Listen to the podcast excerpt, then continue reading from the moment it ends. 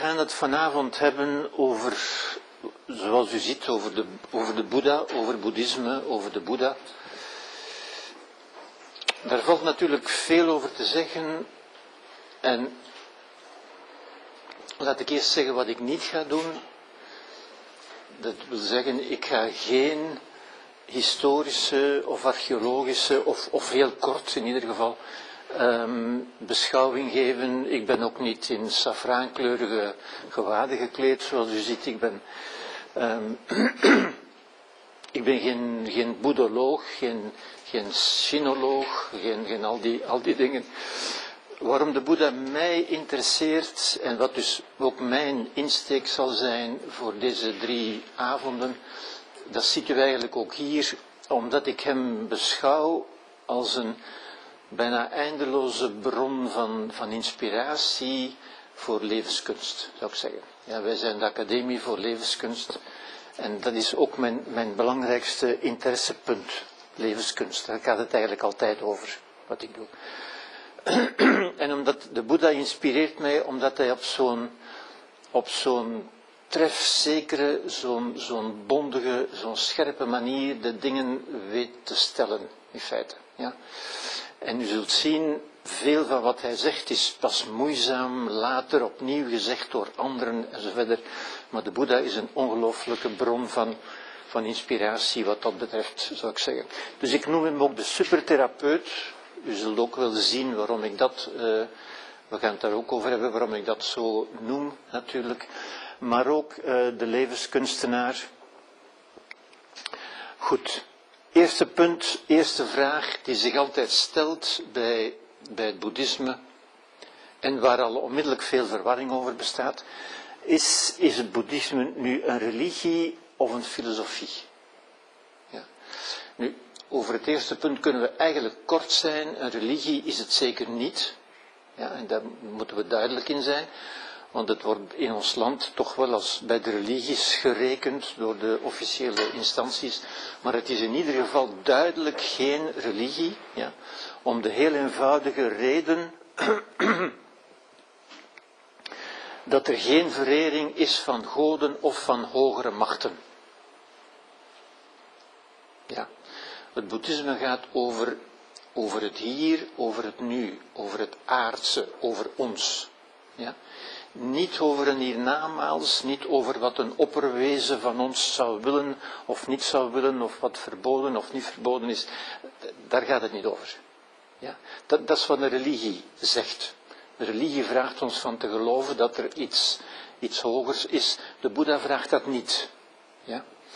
Er zijn ook geen dogma's, geen geboden of geen verboden. Ja? Geen dogma's, en dat is toch belangrijk, om te beseffen dat u niets moet geloven. En dat is een heel belangrijk punt, uiteindelijk. Ja. U weet, als u zich katholiek wil noemen, dan moet u bepaalde dingen geloven. Als u zich christen wil noemen, en zo verder. Uh, in het boeddhisme moet u niets geloven. Er worden natuurlijk dingen geloofd. Hè. De mensen zeggen mij altijd, ja maar je moet dan toch in, uh, in reïncarnatie geloven, bijvoorbeeld. Nee, u kunt daarin geloven. Vele boeddhisten geloven daarin, maar dat is geen geloofspunt. Dat is geen dogma. U moet dat niet geloven om u volgeling of aanhanger van Boeddha te mogen noemen, zou ik zeggen. Ja? Overigens, niemand is volgeling of aanhanger. Er is ook geen, het is geen kerk, er is geen officieel lidmaatschap. U, u bent niet, uh, al dan niet uh, aangesloten enzovoort. Ja? Er is geen goddelijk wetboek, er zijn geen voorschriften. De Boeddha zegt niet wat we wel of niet mogen eten, hoe we ons moeten kleden enzovoort, zoals zoveel andere religies dat wel doen. In het boeddhisme is er allemaal geen sprake van, uiteindelijk. Ja. Er is geen heilig er is geen heilig boek, geen instituut, er is geen kerk. Er is ook geen autoriteit, er is geen paus bijvoorbeeld. Er is niemand die uit naam van het boeddhisme vastlegt wat het boeddhisme eigenlijk bestaat. Het boeddhisme niet eens. Ja. Um, er zijn geen rituelen, althans geen officiële. Ja. Je zult zeggen, ja, maar mensen uh, gaan toch naar tempels, gaan toch vereren en zo verder. En dat is natuurlijk waar. En een van mijn grote voorbeelden, Ulrich Liebrecht, misschien kent u hem van hier, die wel sinoloog was. Hij is uh, vorig jaar geloof ik overleden. Ja. Hij was uh, prof van de Universiteit van Gent. zei altijd dat dat is de, de volksdevotie. Ja? Omdat mensen behoefte hebben graag ergens willen gaan knielen en willen gaan vereren en willen gaan wierookstokjes branden enzovoort. Mensen houden van dat soort devotie, van rituelen en bloemenplaatsen enzovoort. Maar niets daarvan is een officiële doctrine. Niets daarvan is voorgeschreven. U moet nergens naartoe gaan, u moet geen tempel bezoeken, u moet niet gaan knielen enzovoort. Ja? Er zijn ook geen officiële standpunten als men zegt, wat zegt het boeddhisme? Mensen vragen me dat soms. Hè. Moet ik zeggen, ja, het boeddhisme bestaat niet. Er is niemand die de officiële standpunten. De, de meest, een van de meest bekende um, vooraanstaande mensen nu is de Dalai Lama natuurlijk. Ja. Maar ook die is geen paus en is geen, doet geen officiële uitspraken over het boeddhisme. Ja. Het boeddhisme is eigenlijk iets, iets helemaal anders natuurlijk. Ja. Er zijn geen religieuze of metafysische speculaties, dat wil zeggen, die bovennatuurlijk zijn, ja, over het begin of het einde van het universum. Daar zegt de Boeddha ook niks over. Ja? Over de zin van het leven of over het voortleven na de dood. Ja? Hij zegt daar niks over. Dat wil zeggen, u mag daarover geloven wat u wil. Als u, als u wil geloven dat u geïncarneerd bent of dat u zult incarneren, dan mag u dat. Ja, dat is toch niet verboden, maar dat zijn geen dogma's, dat zijn geen officiële standpunten. Ja. U weet, het boeddhisme is ontstaan uit het hindoeïsme natuurlijk, in het noorden van India, kom daar dadelijk op terug. En veel van die gebruiken komen, zijn gebruiken inderdaad, die uit het hindoeïsme komen, ja, maar die geen officieel standpunt en zeker geen dogma zijn van het boeddhisme. Er zijn geen dogma's. Ja? Dus laten we, dat, laten we daar duidelijk over zijn. U mag me op elk moment onderbreken of vragen stellen als u wil. Ja. Het is geen wetenschap of geen filosofie. Wetenschap of filosofie proberen een verklaring te geven van de werkelijkheid. Hoe zit de wereld in elkaar? Ja? En dat is terecht natuurlijk, maar dat is niet wat het boeddhisme probeert te doen. Ja? Ook vele religies hebben een metafysica, zeggen de wereld is ontstaan op die en die manier en daarom moet je dat en dat geloven enzovoort. Ja? Dat is een metafysica uiteindelijk. Ja? Het boeddhisme heeft niet zo'n metafysica. Het boeddhisme gaat daar eigenlijk niet over. Ja? Goed, wat is het dan wel? Wel, ik zou zeggen, een praktische benadering, en daar leg je de nadruk op, buitengewoon praktisch. Ja? Vandaar dat het ook voor ons nu nog altijd buitengewoon interessant en inspirerend is. Ja? Om de innerlijke beleving, de ervaring die u hebt, uw beleving dus, wat voor de mens toch het belangrijkste is, ja? om die te transformeren. En dat zijn drie belangrijke begrippen. Ja? Het boeddhisme is bedoeld als een transformerende ervaring, zou ik bijna zeggen. De bedoeling is, de bedoeling zou ik eigenlijk niet, eens moeten zeggen, want, want Boeddha heeft geen bedoeling, zou ik zeggen, of, toch niet voor u. Ja? Um, de bedoeling waarom wij aan het boeddhisme ons zouden gaan interesseren, is van een transformerende ervaring mee te maken. Niet van te discussiëren of dat nu waar of niet waar is enzovoort, maar van een transformatie. Ja? Het doet iets met ons. Of althans, als wij het opnemen, gebeurt er iets in ons. Ja? En daar wil ik proberen van u uh, in de mate van het mogelijke deelachtig van te maken, zou ik zeggen. Ja? Het is een praktische, praktisch is ook een heel belangrijk woord. Ja? Het is buitengewoon herkenbaar, het is praktisch voor ieder van ons. U kunt het eigenlijk elke dag bijna gebruiken, zou je kunnen zeggen. Ja? Het is een praktijk, iets om te doen, zoals bijvoorbeeld yoga een praktijk is. Ja? Uh, het is iets meer dan dat. Het is natuurlijk ook in die zin. Het, is moeilijk om het exact te zeggen. In die zin is het in zekere zin wel een, een filosofie. maar geen filosofie die verklaart. Ja, dat zal u in de loop van de uiteenzettingen wel duidelijker worden. Ja. Het, is een, het is een gedachtegoed, is eigenlijk de beste omschrijving, denk ik. Ja. Het is vooral ook het onderzoek. Het aspect onderzoek. Ja. De Boeddha heeft ook altijd gezegd, en ik zeg dat eigenlijk ook, natuurlijk, ja. Hij heeft altijd gezegd, je moet niets geloven omdat ik het zeg. Ja? Je moet niet geloven wat ik zeg.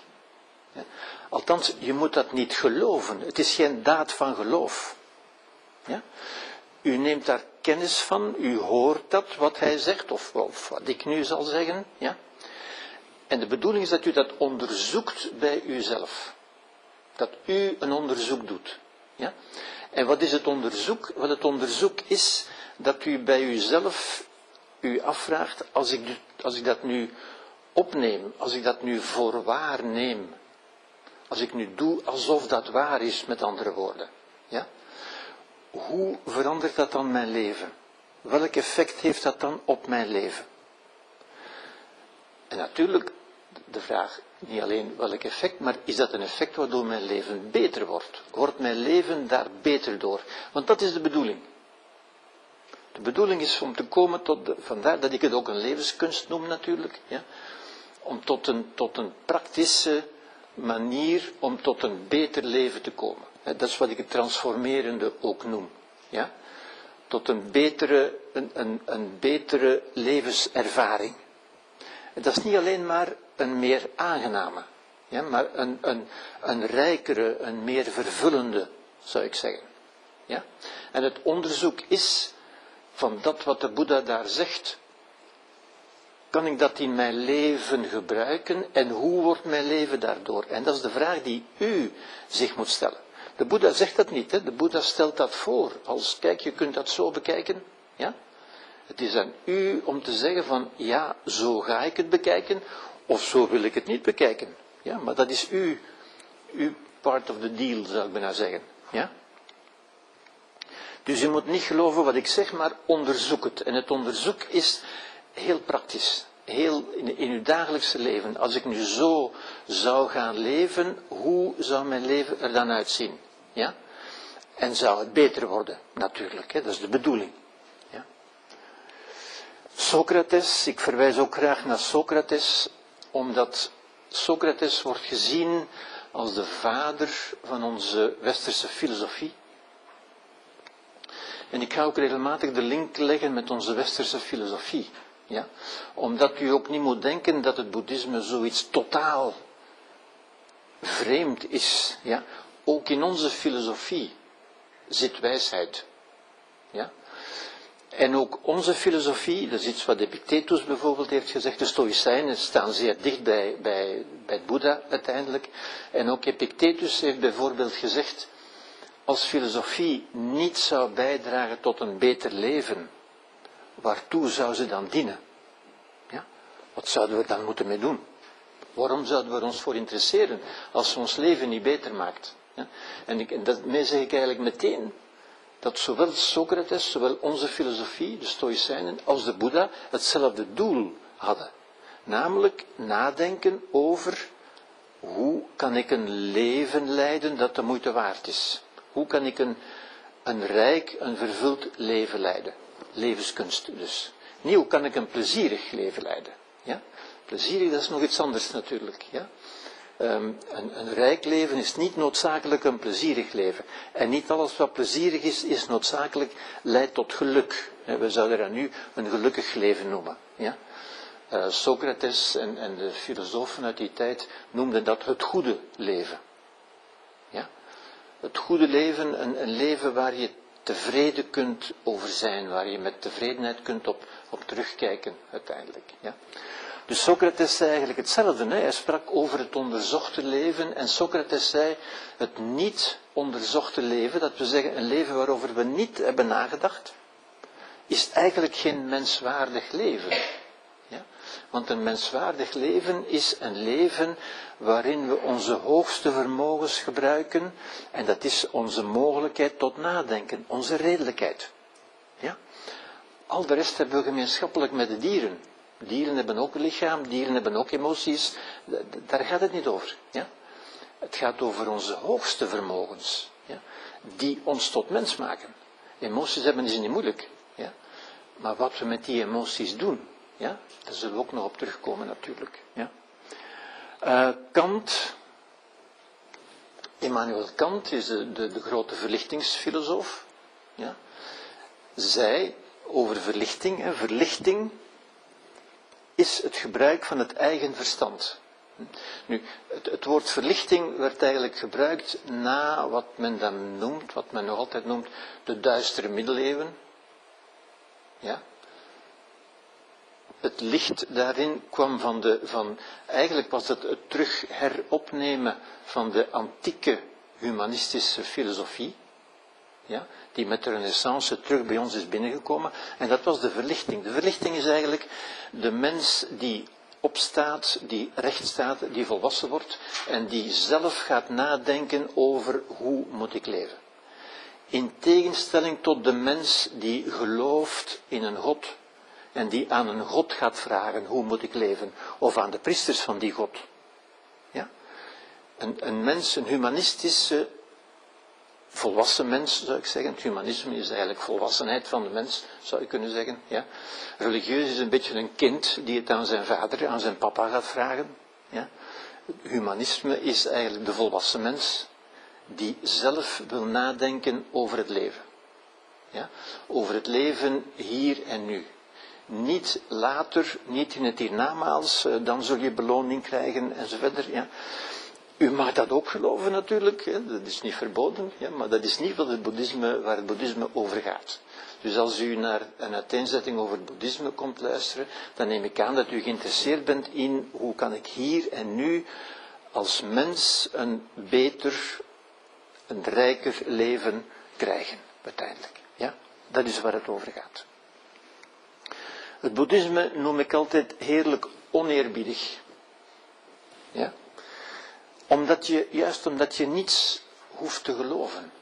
De, de Boeddha was ook iemand die, die met veel dingen lachte uiteindelijk. En u ziet dat ook nu. Ja. De Dalai Lama bijvoorbeeld, die, die lacht altijd. Ja. En boeddhisten, die, die, die monniken die u ziet, die hebben niks, maar die lachen altijd. Ja? Wel, dat, dat, is een teken van een gelukkig leven. Ja? Het geluk komt niet door het hebben van veel dingen, maar het is een manier van zijn een mode of existence, zou je kunnen zeggen. Ja. En daar gaat het boeddhisme juist over. Ja. En daartoe moet je, je moet niks vereren. Ja, je, je mag met alles lachen. Ja. Want dat is ook de bevrijding, de bevrijdende lach. Het is niet zozeer het uitlachen, maar wel de bevrijdende lach. Ja. Van de volwassen mens die terugkijkt op wat hij allemaal geloofd heeft als kind. En die, zegt van hoe, heb ik dat nu allemaal kunnen geloven uiteindelijk. De verlichting van de Boeddha is de, de lachende Boeddha. De Boeddha wordt ook altijd lachend voorgesteld. En de verlichting is dat. Plots beseffen dat je zoveel dingen geloofd hebt die gewoon niet waar zijn. En wat doe je dan? Ja, dan lach je. De bevrijdende lach? Van, van hoe heb ik dat nu kunnen geloven? Hoe heb ik me nu zo kunnen laten vangen? Ja? Hoe heb ik dat nu allemaal kunnen geloven uiteindelijk? De, de lach van de, van de volwassenwording, in feite. De bevrijdende lach. Dat is geen schaterlach, dat is, dat is een glimlach, in feite. Ja? De Boeddha zegt, ja dat heb ik net gezegd, onderzoek het zelf, probeer het uit.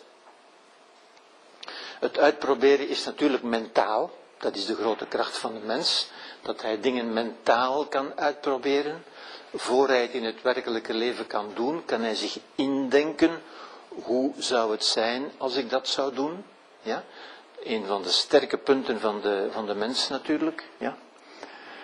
De leer als dusdanig is een soort instrument en de Boeddha noemt dat zelf een vlot. Ja? En een vlot is iets is inderdaad een instrument. U moet dat niet geloven of niet niet geloven. Het moet bruikbaar zijn. En een vlot brengt u aan de overkant van de rivier. Maar, zegt de Boeddha, als je aan de overkant van de rivier gekomen bent en je gaat in het bos, als je dat vlot dan probeert mee te dragen, dan zal je dat hinderen. Ja? Dus dat vlot, dat laat je eigenlijk beter achter daar. Dat is geen voorwerp van verering, dat is een instrument. En zo is ook de leer van de Boeddha is een instrument uiteindelijk. Ja? Het is iets wat ons helpt om tot betere gedachten, tot betere inzichten te komen. Ja? U kunt ook denken aan, een wegwijzer. Ja? Een wegwijzer die gaat u niet meenemen. Ja? U gaat de richting die aangewezen wordt. Ja? Maar u laat die achter, u gaat die niet vereren, u gaat die daar niet aan bidden of zoiets. Hè? U gebruikt die informatie en u gaat verder uiteindelijk. Hè. Dus nogmaals, geen metafysische of transcendente waarheid. Ja. U moet niet glazig beginnen kijken en, en, en heel spiritueel doen, alsof u. Uh, ja. Dat, dat, mag u doen. Daar gaat het niet over. Hè. Maar dat is niet wat de Boeddha doet. Ja.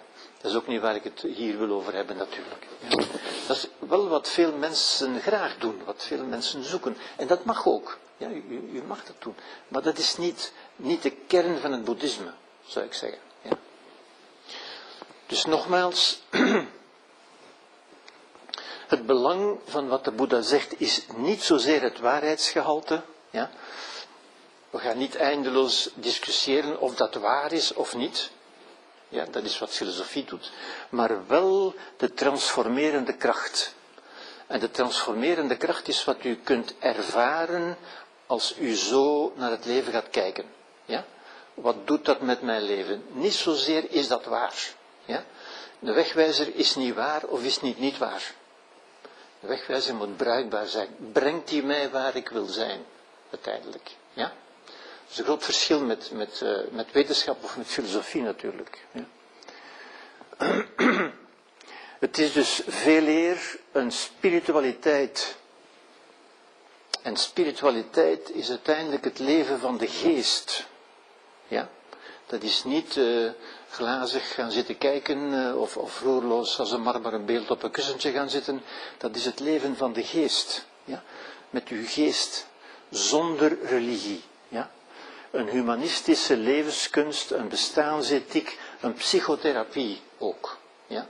Psychotherapie heeft uiteindelijk ook die bedoeling. Ja?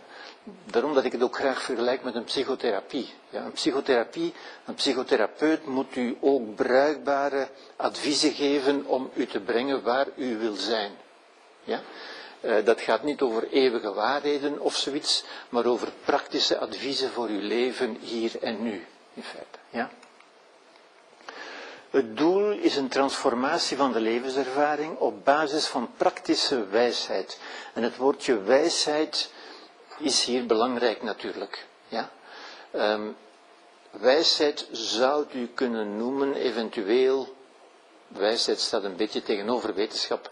Ik zou zeggen, wetenschap, dat is wat Heidegger ook, ook gezegd heeft natuurlijk. Hè. Wetenschap gaat over dingen. Ja? Uh, wetenschap zegt dingen die altijd waar zijn. Over dingen, over materiële dingen. Ja? En dat is bijzonder nuttig, bijzonder interessant. Al die apparaten hier zijn het gevolg van, van, van wetenschap natuurlijk. Ja. Maar wijsheid gaat over de mens. Ja. En over de mens kunnen we geen wetenschap hebben uiteindelijk. Ja. Precies daarom. Omdat wetenschap gaat over dingen die altijd waar zijn, overal voor iedereen. Ja. Als ik dit ding laat vallen, dan zal dat altijd vallen. Of ik dat nu in Japan doe of aan de Noordpool of waar dan ook, ja, dat is altijd waar. Universeel waar en dus ook voorspelbaar. Ik kan voorspellen dat dat ding gaat vallen. Ja. Waarom kan ik dat? Wel, omdat dat ding geen enkele vrijheid heeft, geen enkele keuze heeft. Als dat ding zou kunnen kiezen of het naar boven gaat of naar beneden, dan zou ik geen wetenschap meer hebben. Dan zou mijn wetenschap nul zijn. Maar omdat dat ding geen enkele vrijheid heeft en die gedachte op zich volstaat om te begrijpen waarom een wetenschap van de mens onmogelijk is. Omdat een mens juist die vrijheid heeft. U kunt een mens nooit voorspellen. Het is niet voorspelbaar. Ja? Uh, ik zag dat gisteren nog ergens, ja, gisteren bij, op ter zake was het geloof ik, die, die, die advocaat zat daar want op de grote processen probeert men natuurlijk ook altijd aan psychiaters. haantjes, inderdaad, hè? ja, ja. Ehm, we proberen ook altijd aan de psychiatrie, aan de psychiaters, de wetenschap zogezegd, hè, te vragen om voorspellingen te doen over mensen. Ja? Gaat die mens dat nog doen? Is die, gaat die recidiveren? Is die toerekeningsvatbaar? En ze vergissen zich voortdurend. Omdat de mens juist niet voorspelbaar is. Ja?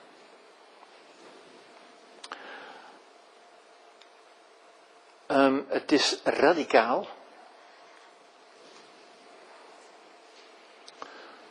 Het boeddhisme is, is radicaal in die zin dat het om niets minder gaat dan om het begrijpen van het lijden, van elke vorm van lijden, ja, en om het opheffen van het lijden, het beëindigen van het lijden.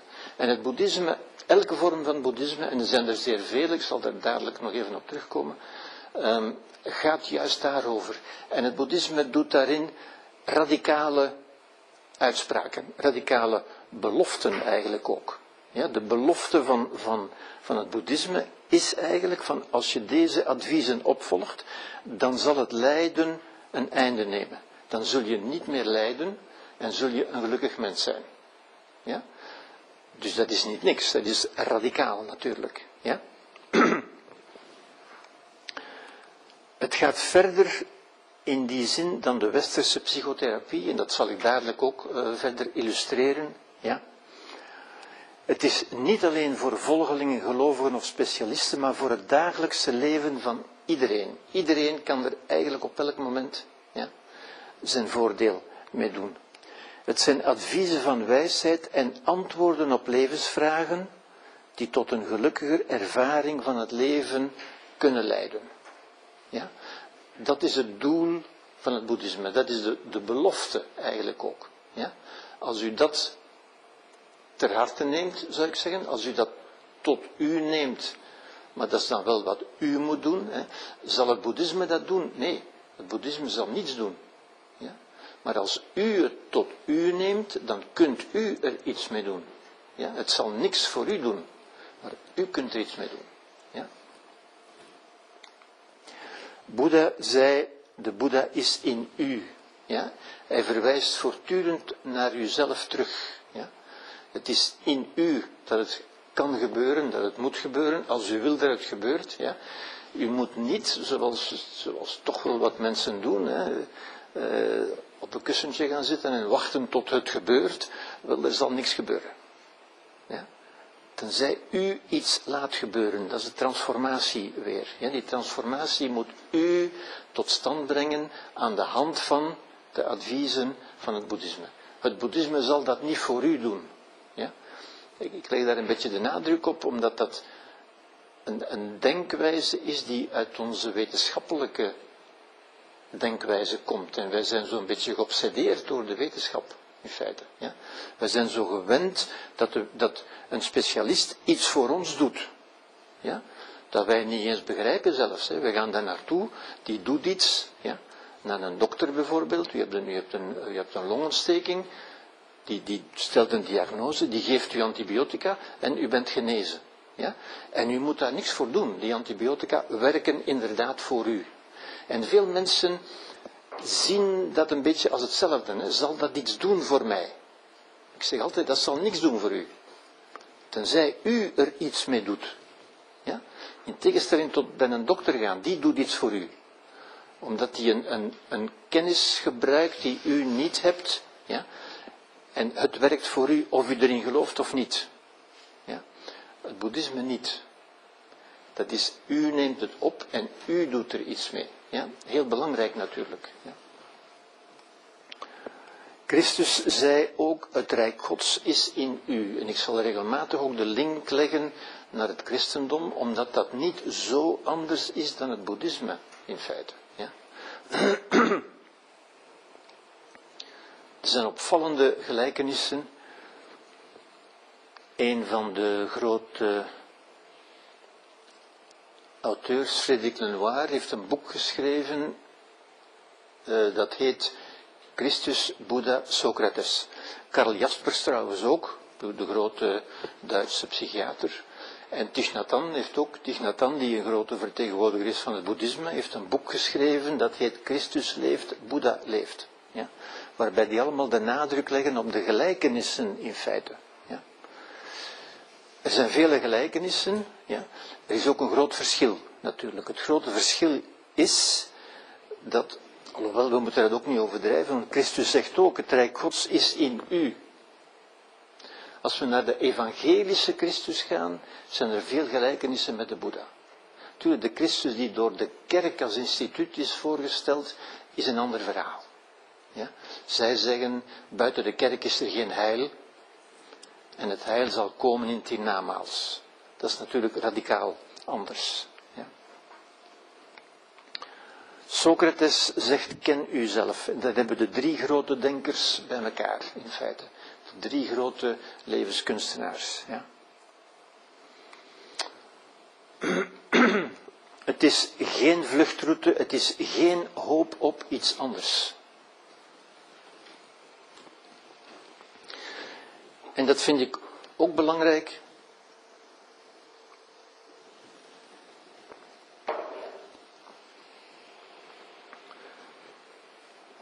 Omdat ik, de Boeddha zegt dat ook, en dat zegt hij weer scherper dan de anderen natuurlijk. Hij zegt ook, geluk is eigenlijk hopeloos. Ik denk nu plots weer aan een ander boekje van, van uh, André Consponville, die een boekje geschreven heeft, dat heet Het hopeloze geluk. Ja? Geluk is hopeloos. Ja? Mensen zeggen vaak, hoop doet toch leven. Ik denk, hoop doet overleven, maar hoop geeft u geen kwaliteit van het leven. Ja? Want als u op iets hoopt, dan zegt u eigenlijk meteen, ik, ik hoop dat dat zal komen, want nu is het niet zo goed. Dan zegt u meteen, nu is het niet goed. Ik, ik voel me niet goed en ik hoop dat ik mij beter zal voelen. Dat is de hoop. Ja? De hoop is de achterkant van de angst, overigens. Ja? Want daar zit natuurlijk bij, ik, ik hoop dat ik mij beter zal voelen, maar ik ben bang dat ik mij niet beter zal voelen. Ja? En die twee gaan altijd samen.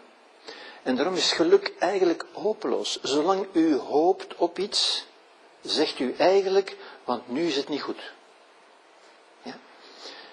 En als je zou zeggen, het echte geluk, een echt geluk, een volmaakt geluk, dan hoopt u niet op iets anders. Dan, dan zegt u, dit is volmaakt, ik moet niks anders hebben. Ja? Iemand die gelukkig is, die hoopt niet. En iemand die hoopt, die is niet gelukkig. Ja? Belangrijk, omdat zoveel mensen leven in de hoop, uiteindelijk. Ja? De hoop is ook een van de christelijke deugden, overigens. Ja? Ik, ik vind dat zeer, eigenlijk zeer nefast. Ja, maar dat is een van de, ik zou bijna zeggen, een van de tactieken van de, van het, van de katholieke kerk, van, van te leven met hoop. Het boeddhisme zegt dat niet. Hè?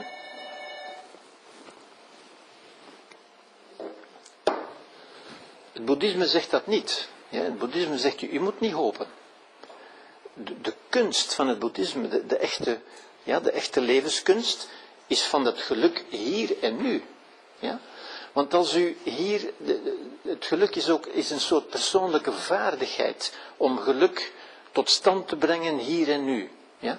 Als u dat nu niet kunt, hier, nu, als u dat nu niet kunt, waarom zou u dat binnen een jaar wel kunnen? Of, of morgen of volgende week? Ziet u? Maar veel mensen denken dat, en, en zie je, dat is weer dat idee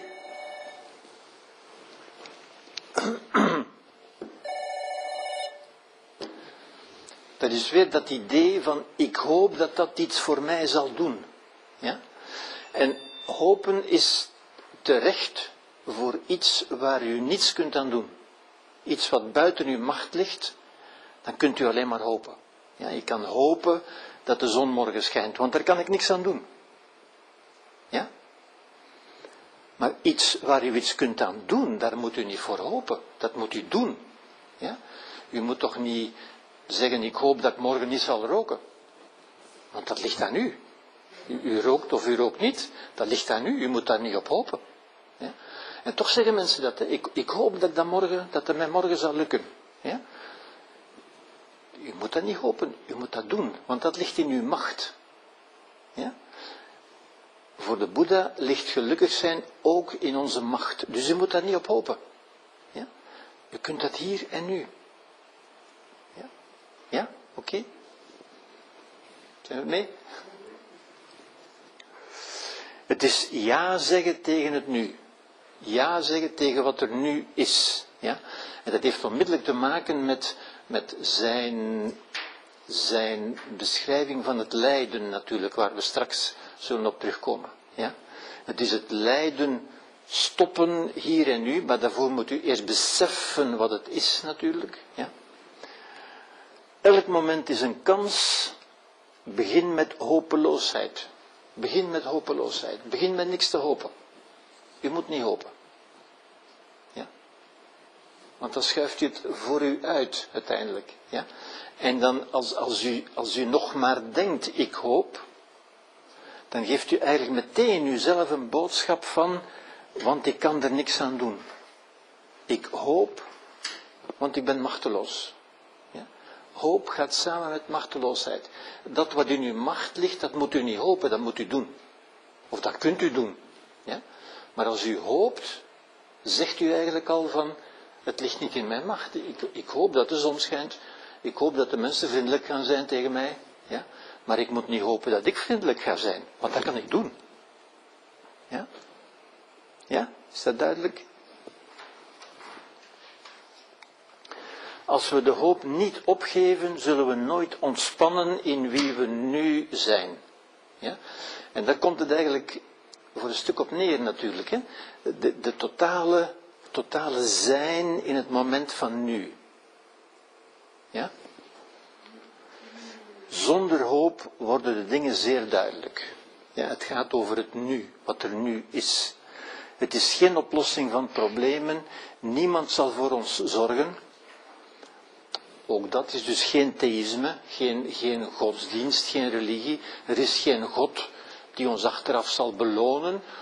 Ook niet en die ons zal straffen natuurlijk. Ja? Maar je moet er allemaal niet op hopen.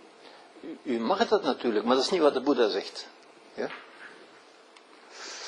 Het boeddhisme spreekt in een eenvoudige taal over de moeilijke realiteiten van het leven. Hier en nu. Oké. Angst is een natuurlijke reactie op het dichter bij de waarheid komen. Ja. Dit is een soort wijsheid, zou je kunnen zeggen. Dit is geen, geen wet, dat is geen wetenschap. Ja. Dat is een soort constatering. Als u angstig wordt, dan komt u bij iets dat de moeite waard is. Angst is geen op te lossen probleem, maar een middel om ons ego te laten ontmantelen. Dat is denk ik, denk dat uh, Eckhart Tolle dit ook gezegd heeft. Ja? Angst is de omgekeerde kant van de hoop, natuurlijk. Ja? Bang zijn is ook iets ja, Alleen door ons te laten vernietigen, kan dat wat niet vernietigd kan worden in ons zichtbaar worden. En dat is een belangrijk idee. Ja? Alles in u wat vernietigd kan worden, is niet wat u, wat u bent uiteindelijk. Ja? Als we laten verdwijnen wat, wat kan verdwijnen, dan blijft er over dat wat niet kan verdwijnen. Dat wat u echt bent met andere woorden. Nu, dat zal, dat zal later, ik kom daarop terug natuurlijk, ja. Dat zal later duidelijk worden, ja. Moed is niet de afwezigheid van angst. Moed is de angst voelen en toch vooruit gaan. Ja? De angst aanvaarden en toch vooruit gaan. Ja. Oké, iets over de Boeddha. Ik kom op die punten terug. Doe maar een korte voorstelling in feite. Ja. Uh, de Boeddha, dit zijn de data die regelmatig, men is niet zo zeker daarvan, maar dit zijn de meest genoemde data, dus in de vijfde eeuw voor onze tijdrekening. Um, de zogenaamde axiale tijd noemt men dat, ja. Een, een, zeer merkwaardige tijd, historisch gezien buitengewoon merkwaardig, omdat er in die tijd enorm veel dingen veranderd zijn. gewijzigd zijn. Ja. Ehm, Karen Armstrong heeft daar ook dat dikke boek over geschreven, over de grote transformatie. Ja. Het is de tijd van de rationele filosofie in Griekenland. Ja. En de rationele filosofie is eigenlijk een soort verlichting. Is eigenlijk het begin van de verlichting, die door bij ons na de donkere periode van de, van de middeleeuwen, waar, de, waar het leven gedomineerd werd door het christendom, waar de filosofie de dienstmaagd van de religie werd, ja, is dat achteraf met de renaissance terug opgenomen. Ja, dus dat heeft een beetje een omweg gemaakt om terug tot bij ons te komen. Ja. Maar dat is het begin van het volwassen worden van de mens. Het volwassen worden van de mens is de mens die zegt, ik wil zelf mijn leven begrijpen en mijn leven inrichten, mijn leven sturen. Ja? Dat is de echte volwassenheid. Een kind is afhankelijk van een papa en van een mama, moet goedkeuring krijgen, moet, moet braaf zijn en zo verder. Een volwassene niet. Ja? Een volwassene moet zijn eigen leven vormgeven, zijn eigen waarden bepalen en zo verder. Ja? Dat, dat, is ook het programma van de Boeddha natuurlijk. Ja? Dus in die, de rationele filosofie, daar was ook de tijd van het monotheïsme, de profeten in het Midden-Oosten. In de Bijbel zijn dat de profeten, ja? Die, uh, dat was de transformatie van een polytheïsme naar een monotheïsme, ja? daar ga ik nu verder niet op in, maar het is merkwaardig dat het allemaal in die periode is gebeurd. Dat is ook de periode van het Confucianisme en het Taoïsme in China. Ja? Dus u ziet op verschillende plaatsen in de wereld zijn er toen veranderingen gebeurd, het Hindoeïsme en het Boeddhisme in India. Ja? Dit maar even terzijde, omdat het een merkwaardig historisch fenomeen is uiteindelijk. De Boeddha zelf is geboren in een koninkrijkje ergens in het zuiden van de Himalaya. En hij heette Siddhartha Gautama. Ja, de Boeddha is niet zijn naam uiteindelijk. Ja. De Boeddha is een naam, betekent de verlichte. Is een naam die men hem gegeven heeft toen hij verlicht was. Ja. Maar hij heet, zijn echte naam is Siddhartha Gautama, ja, zoals de naam van Christus ook Jezus van Nazareth was. Christus betekent de Christus, zegt men eigenlijk dus ook. Hè. De Christus betekent de gezalfde, de uitverkorene. Ja. De Boeddha betekent de verlichte. Ja, maar zijn eigenlijke naam is dat. Ja. Op 29 jaar ontdekte hij het lijden.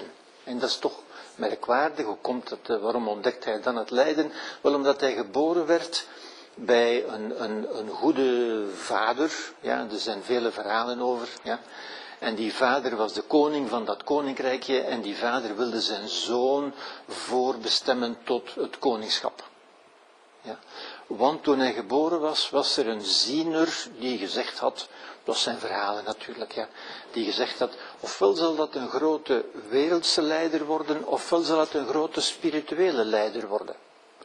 En die vader wilde dat zijn zoon in zijn voetsporen zou treden, ja, en wilde dat hij een grote wereldse leider zou worden.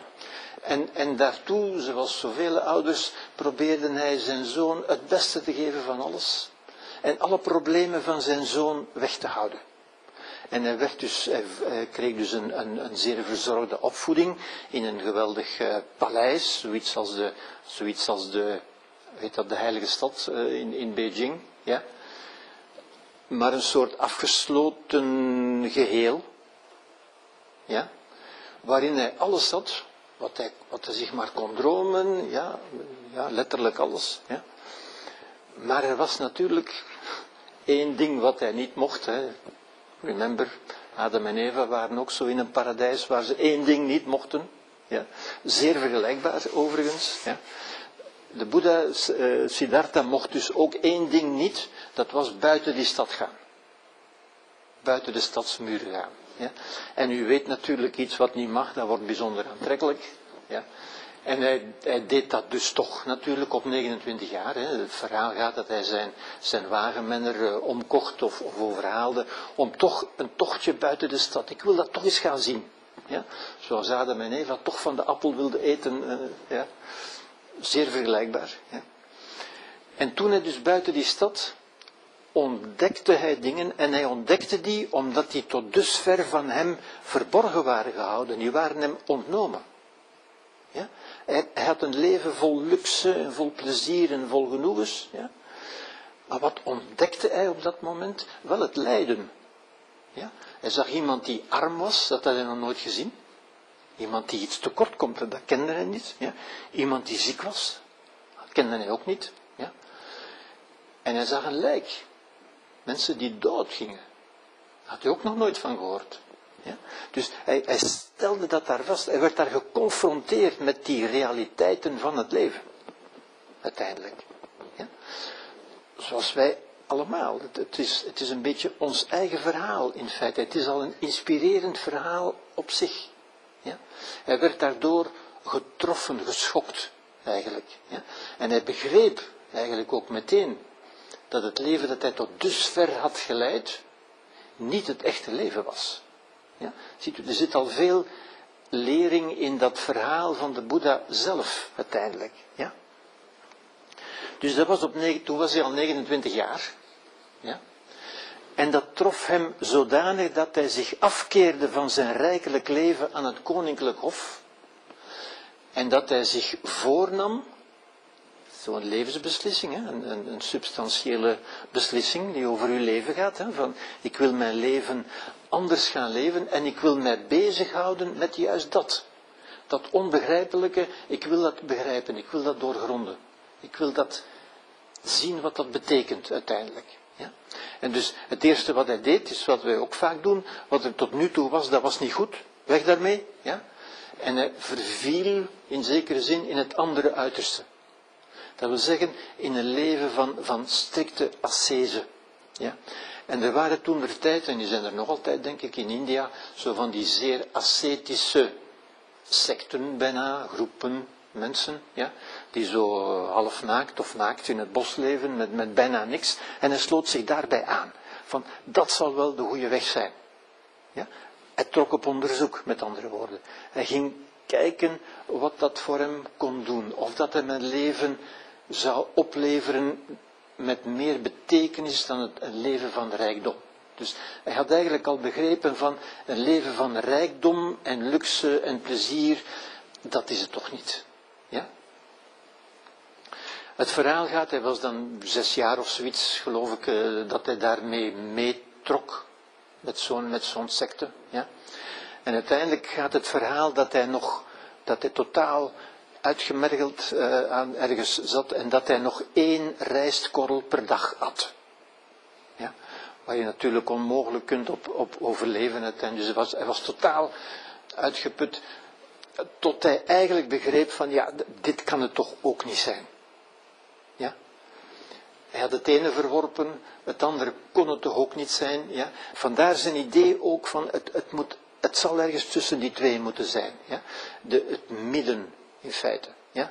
De, de, ja, de middel, de, de, de middenweg, niet de middelmaat, maar de middenweg uiteindelijk. Hè? Iets wat Aristoteles ook zei. Ja? Heel, heel merkwaardig overigens. Ja? Um, hij ging dan uiteindelijk um, onder die, hij ging uiteindelijk gaan mediteren. En mediteren wil alleen maar zeggen diep nadenken. Ja. En hij nam zich voor van zo lang na te denken tot hij het zou begrepen hebben. En dat deed hij onder die fameuze bodyboom, waarvan nu nog altijd in Bodh Gaya, in India, ja, uh, een, een nakomeling waarschijnlijk van die boom staat. Ja? Dus je kunt nog daar op die plaats waar de Boeddha, zoals de christenen naar Jeruzalem gaan en en de uh, islam naar, naar Mekka, zo, kunnen, zo gaan de boeddhisten. Je kunt daar op die plaats gaan kijken in feite. Daar staat nog een boom die een nakomeling zou zijn. En hij ging onder die boom zitten mediteren tot hij, en mediteren wil zeggen diep nadenken. Dat wil niet zeggen niet nadenken, dat wil zeggen diep nadenken. Ja over de zin van het leven en over wat het allemaal, hoe, hoe hij die puzzel, want dat was het uiteindelijk, hoe hij die puzzel kon, kon samenleggen. Ja? Want dat is het in feite. Het leven is als een soort puzzel. Er zijn zoveel dingen. Wat moet ik daar allemaal mee aan? Hoe kan ik daar een coherent plaatje van maken uiteindelijk? Ja? Na zes jaar onderzoek hè, kwam dan de verlichting uiteindelijk. Ja? En de Boeddha is dus de verlichte, de ontwaakte. De ontwaakte eigenlijk. Hè. En het begrip ontwaken is ook zo'n belangrijk begrip in het boeddhisme. Ja? Want dat betekent echt ontwaken, men zegt vaak uit een droom, ja? maar eigenlijk ook uit een illusie. Begrijpen dat wat je tot dusver geloofd hebt, dat het eigenlijk een illusie was. Dat het een mythe was, met andere woorden. Ja? De verlichting, het ontwaken, is inzien dat wat je geloofd hebt eigenlijk gewoonweg niet waar is. Ja? Waarop weer de, de, de bevrijdende lach, zou je kunnen zeggen, van hoe heb ik dat nu toch kunnen geloven uiteindelijk? Waarom heb ik dat nu niet vroeger ingezien? Ja? Um, men noemt hem ook Sakyamuni, dat betekent de wijze van de Sakyas. De Sakyas is de stam waar hij toe behoorde. Ja? Wordt vaak Boeddha eh, Sakyamuni genoemd ook. Ja? De belangrijkste les die, die hij eigenlijk illustreert met zijn leven, die uit zijn leven eigenlijk al blijkt, is, men wordt niet wijs in de luxe en de gemakkelijkheid, maar ook niet door ascese en ontbering. Ja? Ook iets wat vele mensen proberen. We hebben ook die, die ascetische tradities in het, in, in het christendom bijvoorbeeld. Ja? Waar, waar men denkt dat men door van alles te verzaken tot een, een, een rijker, een spiritueel leven zal komen. Ja? Nu, dat is het eigenlijk ook niet. Het is niet het bezit en het is niet het niet-bezit. Geen van de twee zal dat spontaan automatisch doen. Ja? Het, het zit hem ergens anders uiteindelijk. Ja? Goed, um, dit is een kaartje van die streek. Dit is Bodh Dus dit is waar hij was, waar dus eigenlijk het boeddhisme ontstaan is. Ja? En er zijn allerlei verhalen over de eerste, de eerste lezing die hij gaf in dat hertenpark daar. Een beetje zoals de, de bergreden van Christus, hè, waarin hij zijn inzichten uiteenzette in feite. Hè. Zo heeft hij ook een eerste lezing gegeven daar in, dat, in het hertenpark in, in Bodh Gaya. Ja. Um, een van de opmerkelijke gelijkenissen tussen Christus, Boeddha en Socrates is ook dat geen van drie ook maar één letter geschreven hebben. We kennen ze door hun navolgelingen die dat genoteerd hebben. Geen van die drie heeft ook maar iets geschreven. Ja? Heel merkwaardig. Dat betekent niet speciaal iets, maar het is toch opvallend, zou ik zeggen. Ja. Uh, vandaar heeft het boeddhisme zich is het boeddhisme zich gaan verspreiden. Ja, dat is anekdotisch natuurlijk. Ja, in uh, vooral twee grote richtingen, waarvan men de eerste de zuidelijke richting noemt. Ja. En dat is wat men noemt het Theravada-boeddhisme. Um, er is natuurlijk onmiddellijk, zoals ook in het christendom, onmiddellijk stromingen ontstaan, die natuurlijk allemaal beweren van wij zijn de echte. Ja? Allemaal teruggaande op bepaalde uh, uitspraken van de Boeddha, op bepaalde verklaringen, bepaalde sutras en. Ja. Allemaal zeggen ze, wij zijn de echte. Hè. Nu, ik kom daar straks nog even op terug. De eerste belangrijke weg van hieruit, dus hier is het ontstaan, hier is uh, Nepal, de, Himalaya ligt hierboven, ja. dus het is hier ontstaan. En een eerste grote weg is wat men noemt de zuidelijke route. Uh, het Theravada-boeddhisme wil eigenlijk zeggen het boeddhisme van de ouden waarmee ze willen suggereren dat zij de echte zouden zijn natuurlijk. Ja. Um, dat heeft zich verspreid uh, naar het zuiden, naar Maleisië, Indonesië, Thailand ook, Cambodja, ja, en ook naar Sri Lanka, dat nog altijd zeer sterk onder invloed van het boeddhisme staat. Dat Theravada-boeddhisme kent u waarschijnlijk allemaal, of iedereen is al in Thailand geweest tegenwoordig, dat zijn die bedelmonniken. Ja. Het Theravada-boeddhisme is een zeer uh, monastieke richting, die sterk uh, geconcentreerd is in kloosters. Ja.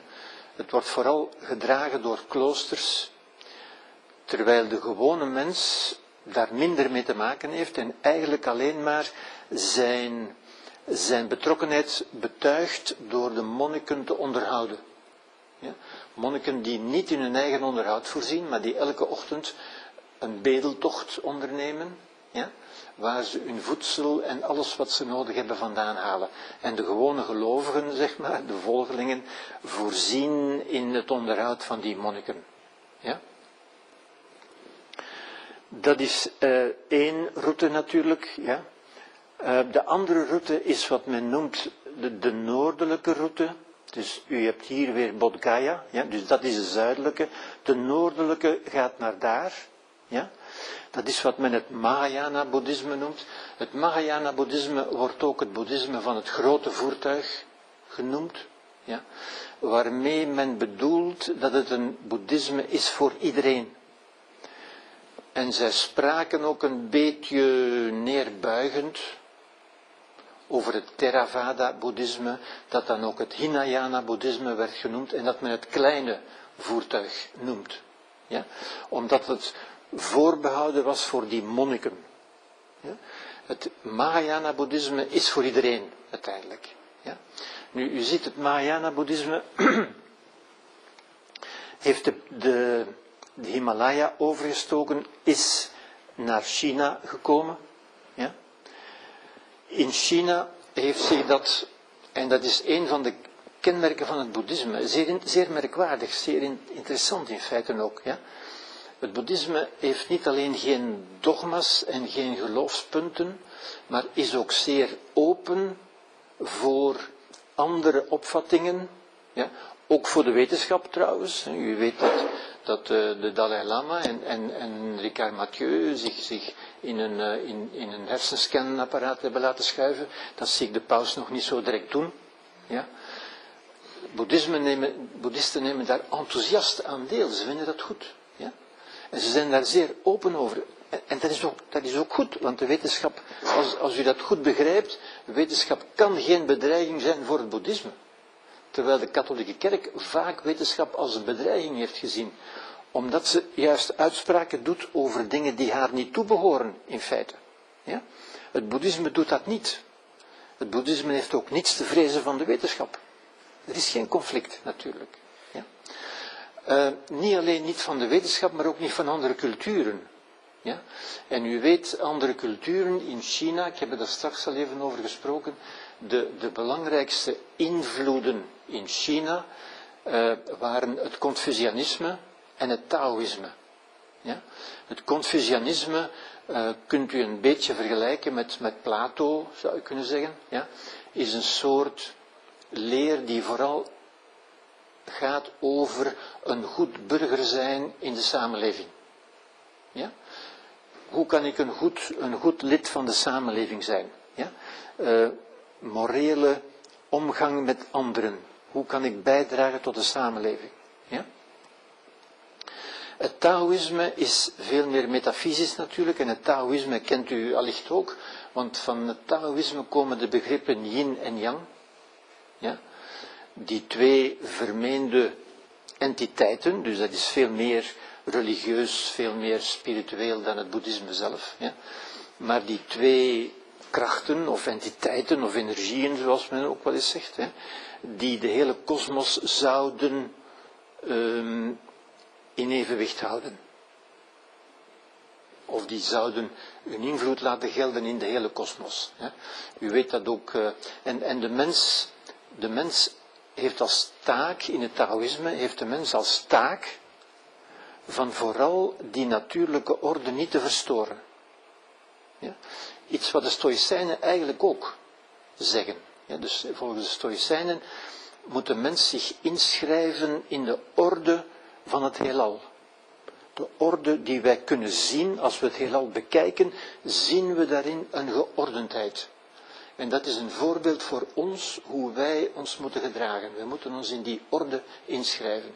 Want het Taoïsme zegt eigenlijk iets gelijkaardigs. Maar zij zien dat in termen van yin en yang.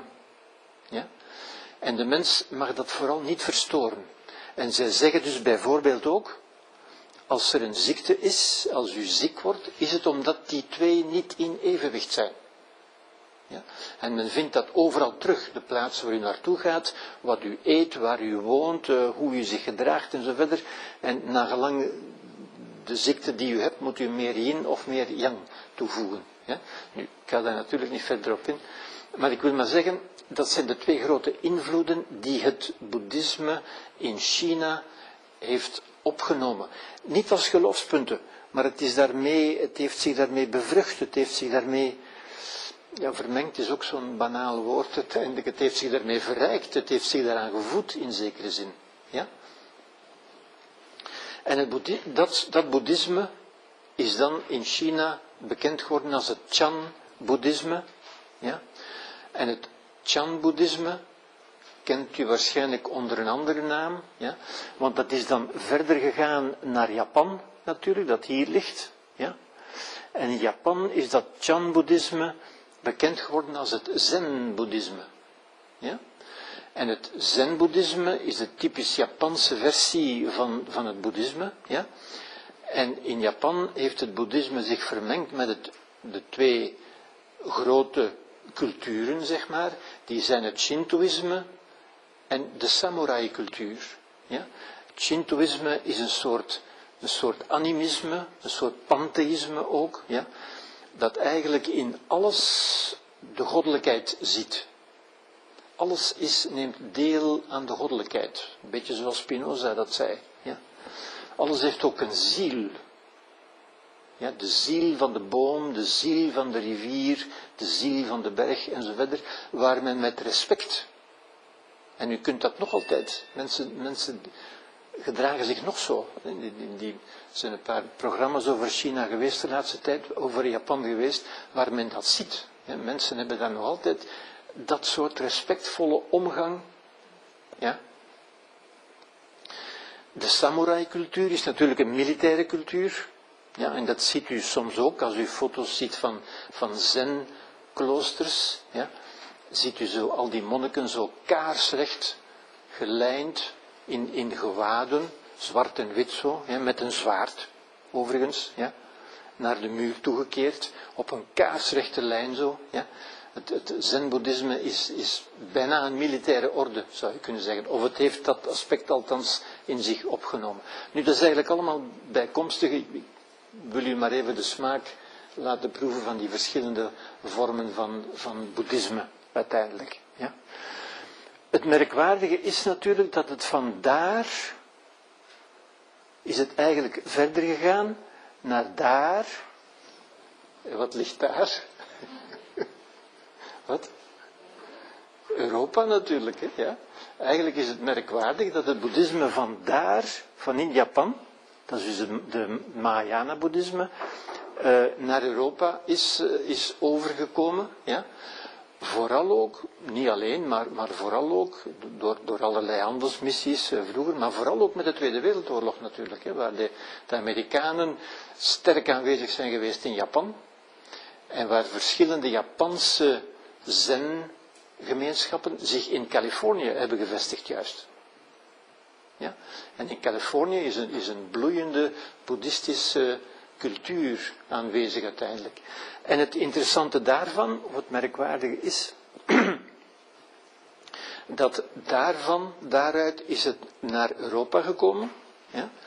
En in Europa kennen we nu die, die specifieke vorm die we misschien eigenlijk al bijna geen boeddhisme meer mogen noemen, maar wat we mindfulness zijn gaan noemen. Ja?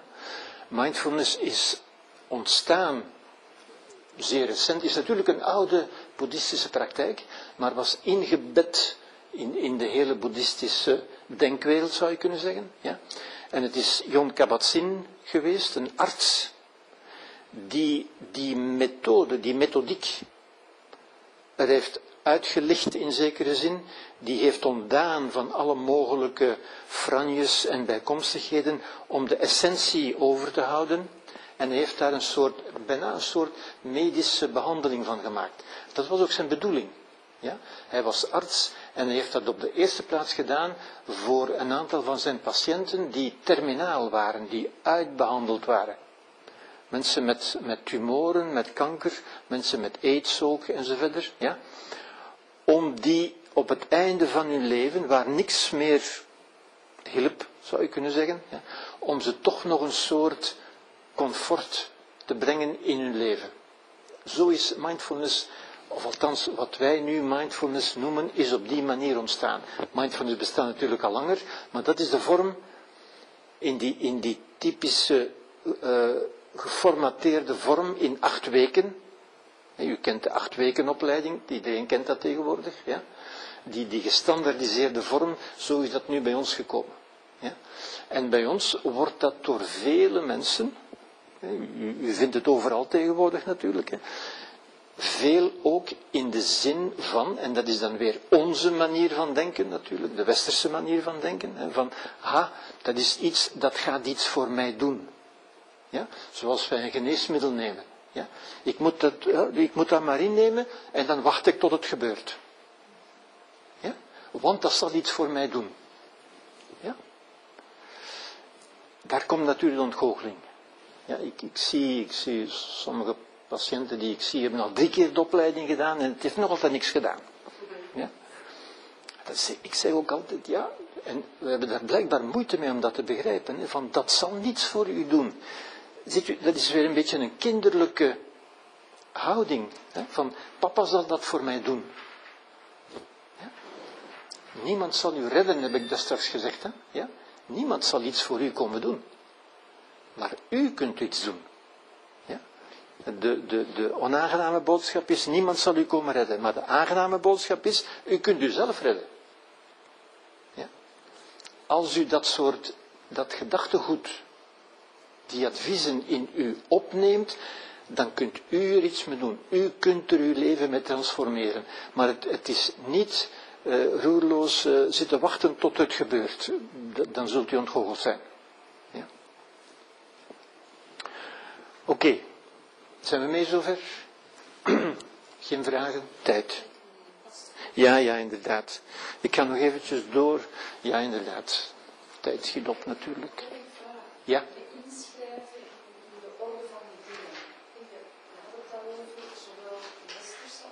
Ja, ja, ja.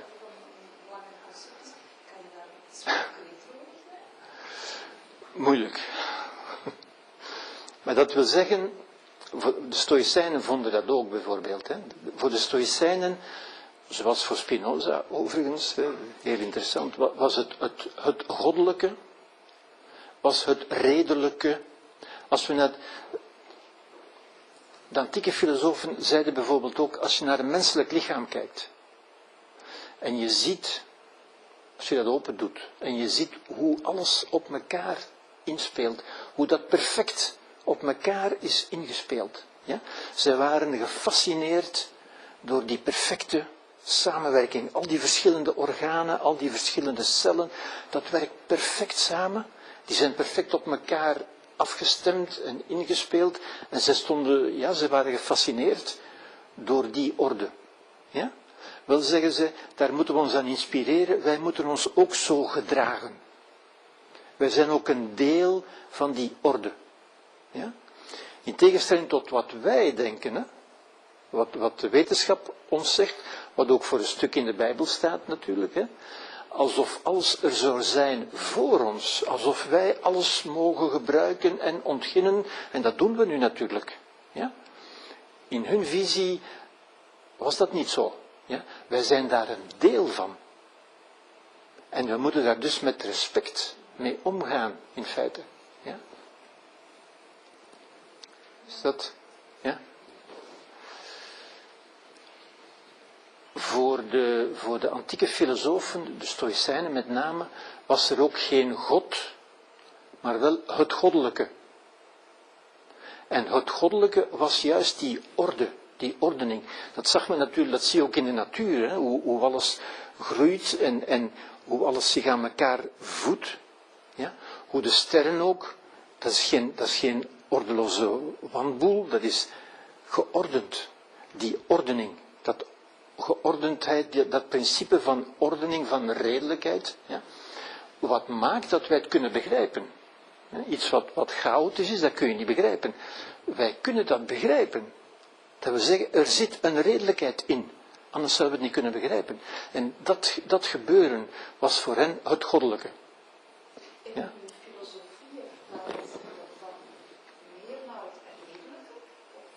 Van wie? Ah ja, tuurlijk, tuurlijk.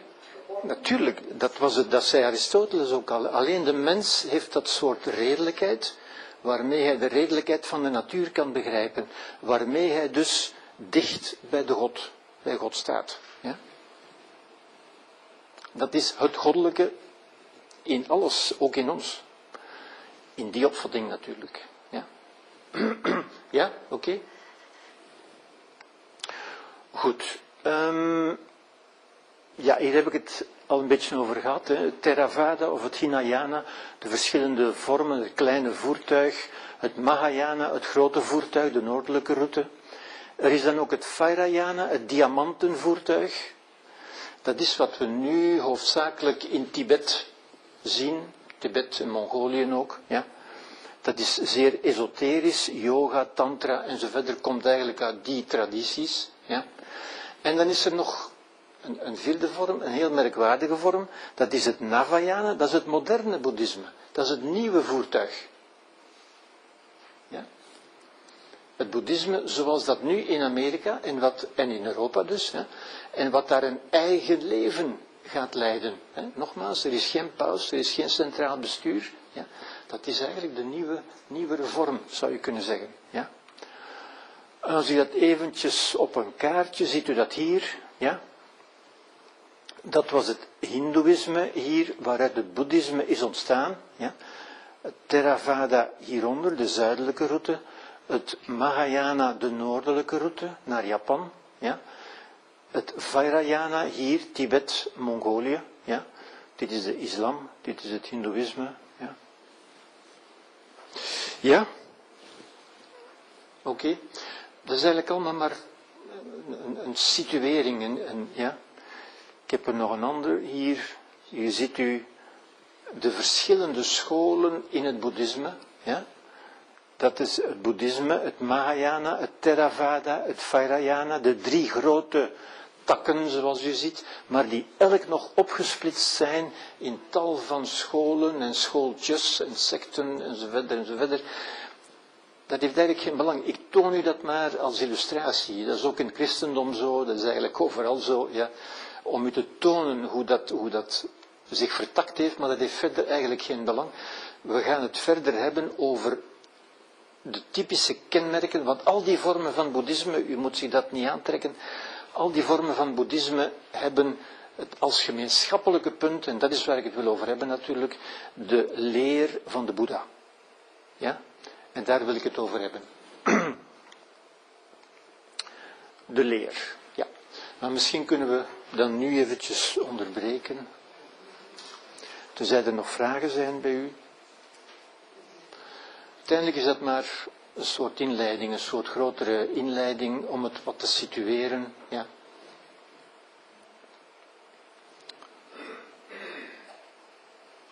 Oké, de drankjes staan daar.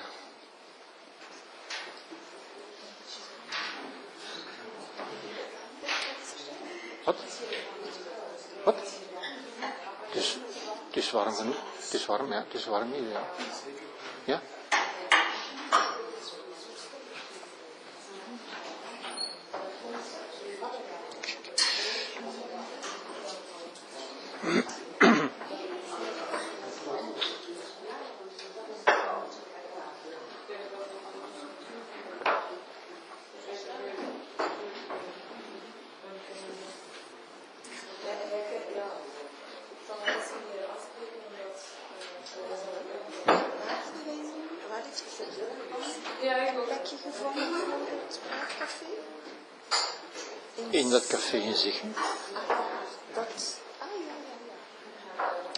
Zonkrol heet het geloof ik. Ja.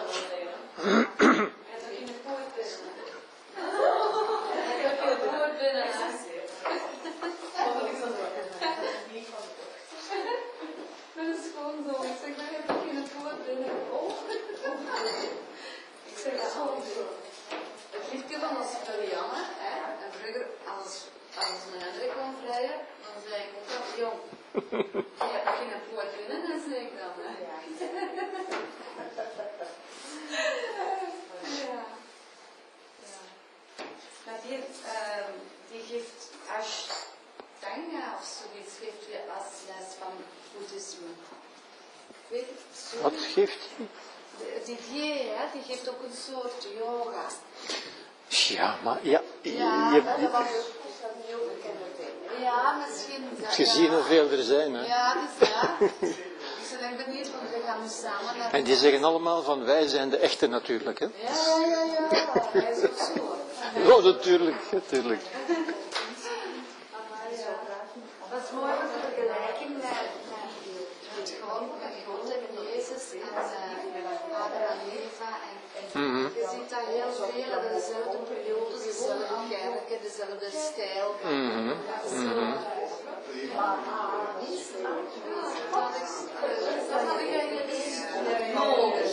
Ja? Ah ja.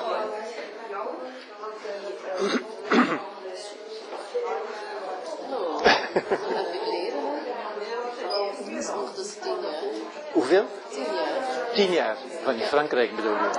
Ja, Ja, inderdaad. Ja, ja. Ja, 2009. Ja. ja. Was het 2009? Ja, ja, ja. Ja, we gaan nog elk jaar. Ja, ja, misschien ik nog wel eens mee. Ja, misschien wel. Elk, elk jaar dreigt het laatste te zijn. Ja? Ja. Omdat, omdat de mensen kinderen er gaan mee ophouden. Spijtig, ja. Ja, maar ja, die... die wat? Misschien gewoon een andere plek vinden? Ja, maar ja, zo'n plek gaan we niet meer snel vinden, denk ik. Nee, nee, dat is. Oké. Zijn er nog vragen bij het voorgaande, eventueel? Dan wil ik het nu hebben over de kernideeën die ik met u wil bespreken en die ook die zijn die al die diverse vormen van boeddhisme eigenlijk verenigen. Ja. Ze gaan dat is natuurlijk het mooie, het interessante. Ze gaan allemaal terug op de Boeddha en op de essentiële leer van de Boeddha. En de essentiële leer wordt klassiek voorgesteld als vier nobele waarheden. Ja? Nu, die waarheden zijn dus geen geloofspunten. Ja, dat is belangrijk om dat voor ogen te houden. Het zijn eigenlijk constateringen, vaststellingen, die u wordt uitgenodigd om voor uzelf ook te doen, om voor uzelf te verifiëren. Ja? Dus u moet dat niet geloven, het gaat niet over geloof. Ja? En de eerste nobele waarheid is de waarheid van het lijden, wat men in het boeddhisme dukkha noemt. En ook dat kunt u bij uzelf vaststellen. Als u zich afvraagt, zijn, ken ik nu veel mensen die geluk uitstralen? Ben ik zelf zo iemand? Ja, ik zie mensen glimlachen, want ja, er zijn er natuurlijk niet zoveel. En het is dat juist wat bedoeld wordt. Hè. Het is niet alleen de grote traumatiserende gebeurtenissen, die zijn er natuurlijk ook, maar hij bedoelt daarmee meer zo het alle, alledaagse dofheid van het leven. Zo, hè. Als je aan mensen vraagt, van hoe is het ermee? Van, ja, ik mag niet klagen. En u glimlacht al, want inderdaad, u mag niet klagen. Dat wil zeggen, eigenlijk zou ik willen klagen. Maar ik mag niet klagen, want ik heb zoveel. Ja? Want dat is, dat is eigenlijk lijden. Dat is de dagelijkse, de dagelijkse zwaarte. Zo. Dukkha betekent ook wat zwaar omdragen is. Het leven is toch geen grapje, meneer. Het is niet, uh, ja? Het leven is een ernstige zaak. Zo. Die, die, dagelijkse zwaarte zo uiteindelijk. Ja? ja, ben ik daar duidelijk in? Ja? En dat kunt u ook bij uzelf vaststellen, hè? Bij, bij anderen of bij uzelf. Hè? Wanneer ben ik, nu, ben ik nu echt gelukkig? Ja? Zijn anderen echt gelukkig? Dus dat is meer een vaststelling dan een geloofspunt. U moet dat niet geloven. U, kunt dat voor jezelf checken, uiteindelijk. Hè? Ja? Bon. Dat is het eerste. Dat is het uitgangspunt, natuurlijk. Wat hij dus vaststelde op 29 jaar, toen hij de heilige stad verliet. Ja? En hij zag het echte leven. Ja, daar is lijden. Dat is lijden. Hè? Eh, geboren worden is lijden, leven is lijden, sterven is lijden, ziek worden is lijden. Het is, is overal lijden uiteindelijk. Hè? Bon. De tweede nobele waarheid gaat over de oorzaak van het lijden. En dat is alleen maar iets anders natuurlijk. Ja? Want als u naar veel mensen luistert, als u veel mensen aan het woord laat, en mensen aan het woord laten is niet moeilijk, u moet maar een paar vragen stellen, hè, van hoe maak je het en hoe komt dat en waarom en zo verder. Ja? Dat is eigenlijk heel gemakkelijk. Dan hoort u eigenlijk altijd, en u herkent dat natuurlijk ook bij uzelf, hè, dat mensen die neiging hebben, die we allemaal hebben, hè, van te zeggen, ja, ik leid omdat. En dan wijzen ze naar de buitenwereld. Kijk eens wat er daar gebeurd is, kijk eens wat mij toen overkomen is, dat doet mij lijden. Dat is het gewone denkpatroon. Ik leid omdat. Ja? De Boeddha zal natuurlijk iets anders zeggen. Dat is niet de oorzaak. Ja? En dat is eigenlijk al een radicaal standpunt. Want bij vele mensen die lijden, moet je daar niet mee afkomen natuurlijk. Hè. Dan zeggen ze, ja meneer, eh, ik zie dat u er niks van begrijpt, u hebt dat zeker niet meegemaakt zelf en zo. En, uh, ja, ja. De Boeddha zegt, daar ligt het lijden niet. Niets doet u lijden. Zeer radicaal. Ja, en ik, ik wil daar echt de nadruk op leggen op dat radicale aspect van het boeddhisme. Ja? Niets doet u lijden. De, oorzaak van het, de ware oorzaak zijn onze illusies, onze gehechtheden en het omgekeerde van gehechtheid, dat is aversie. Ja? Nu, al die dingen, illusies is wat we allemaal geloven. Ja? Onze gehechtheden is waar we ons aan vastklampen. Dat is van mij. Dan mogen ze mij niet afpakken. Ja? En u hoort mensen dat toch vaak zeggen. Hè? Als iemand overleden is, zeggen ze: Ik heb hem moeten afgeven. Of ze hebben hem mij afgepakt. Of, dat, of zo'n dingen. Ja? De Boeddha zegt: Nee, nee, nee, dat is helemaal niet zo. Ja? Het is uw gehechtheid. Het is u eraan vastklampen. Ja? van ik heb dat nodig, dat mag niet weg. Ja? Die mens mag niet sterven, want ik heb hem nog nodig. Ja? Wanneer mogen mensen dan sterven? Als u ze niet meer nodig hebt of zo. Ja, ja? maar zo, zo, denken we toch. Hè? Dat, dat, mag niet, dat mag niet gebeuren. Dat is niet eerlijk, dat is niet juist. En dat is het lijden. Ja? Ons verzet tegen wat er gebeurt. Ja? Radicaal punt voor vele mensen. Vele mensen zeggen, ja maar ik voel toch dat dat mij doet lijden. Want ik voelde mij goed en dan is er dat gebeurd en nu leid ik. Dat is toch logisch dat dat mij doet lijden. En dat is ook een, een zeer, een zeer overtuigende logica, bijna zou je kunnen zeggen. Waar mensen zeer moeilijk van afstappen. Ja? Dat is wat Boeddha onze illusies noemt. Je, gelooft dat bij nader onderzoek, en dat is weer een stuk, daar komt mindfulness voor een stuk bij, maar daar kom ik nog op terug natuurlijk. Hè. Mindfulness is, is diep nadenken, ja. zoals de Boeddha deed, zes jaar onder die bodyboom, ja. waar hij begrepen heeft van, eigenlijk doet niets mij lijden. Alle lijden, alle lijden, staat geen, geen sterretje bij met een voetnoot en met uitzonderingen of zoiets. Nee, er zijn geen uitzonderingen. Alle lijden komt omdat wij ons vastklampen uit onze gehechtheden. Of het omgekeerde van gehechtheden, dat is de aversie. Met andere woorden, we lijden omdat we iets willen wat er niet is, of omdat we iets niet willen wat er wel is. Dat is de oorzaak van het lijden. Niets anders. Ja?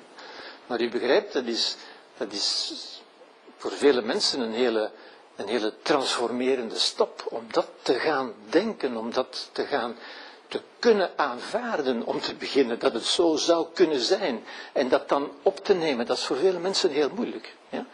Ik, ja, als men dan een tijd mee bezig is, wordt dat natuurlijk natuurlijker, wordt dat gemakkelijker, wordt, dan, dan zie je eigenlijk weer in, ja, het is echt zo.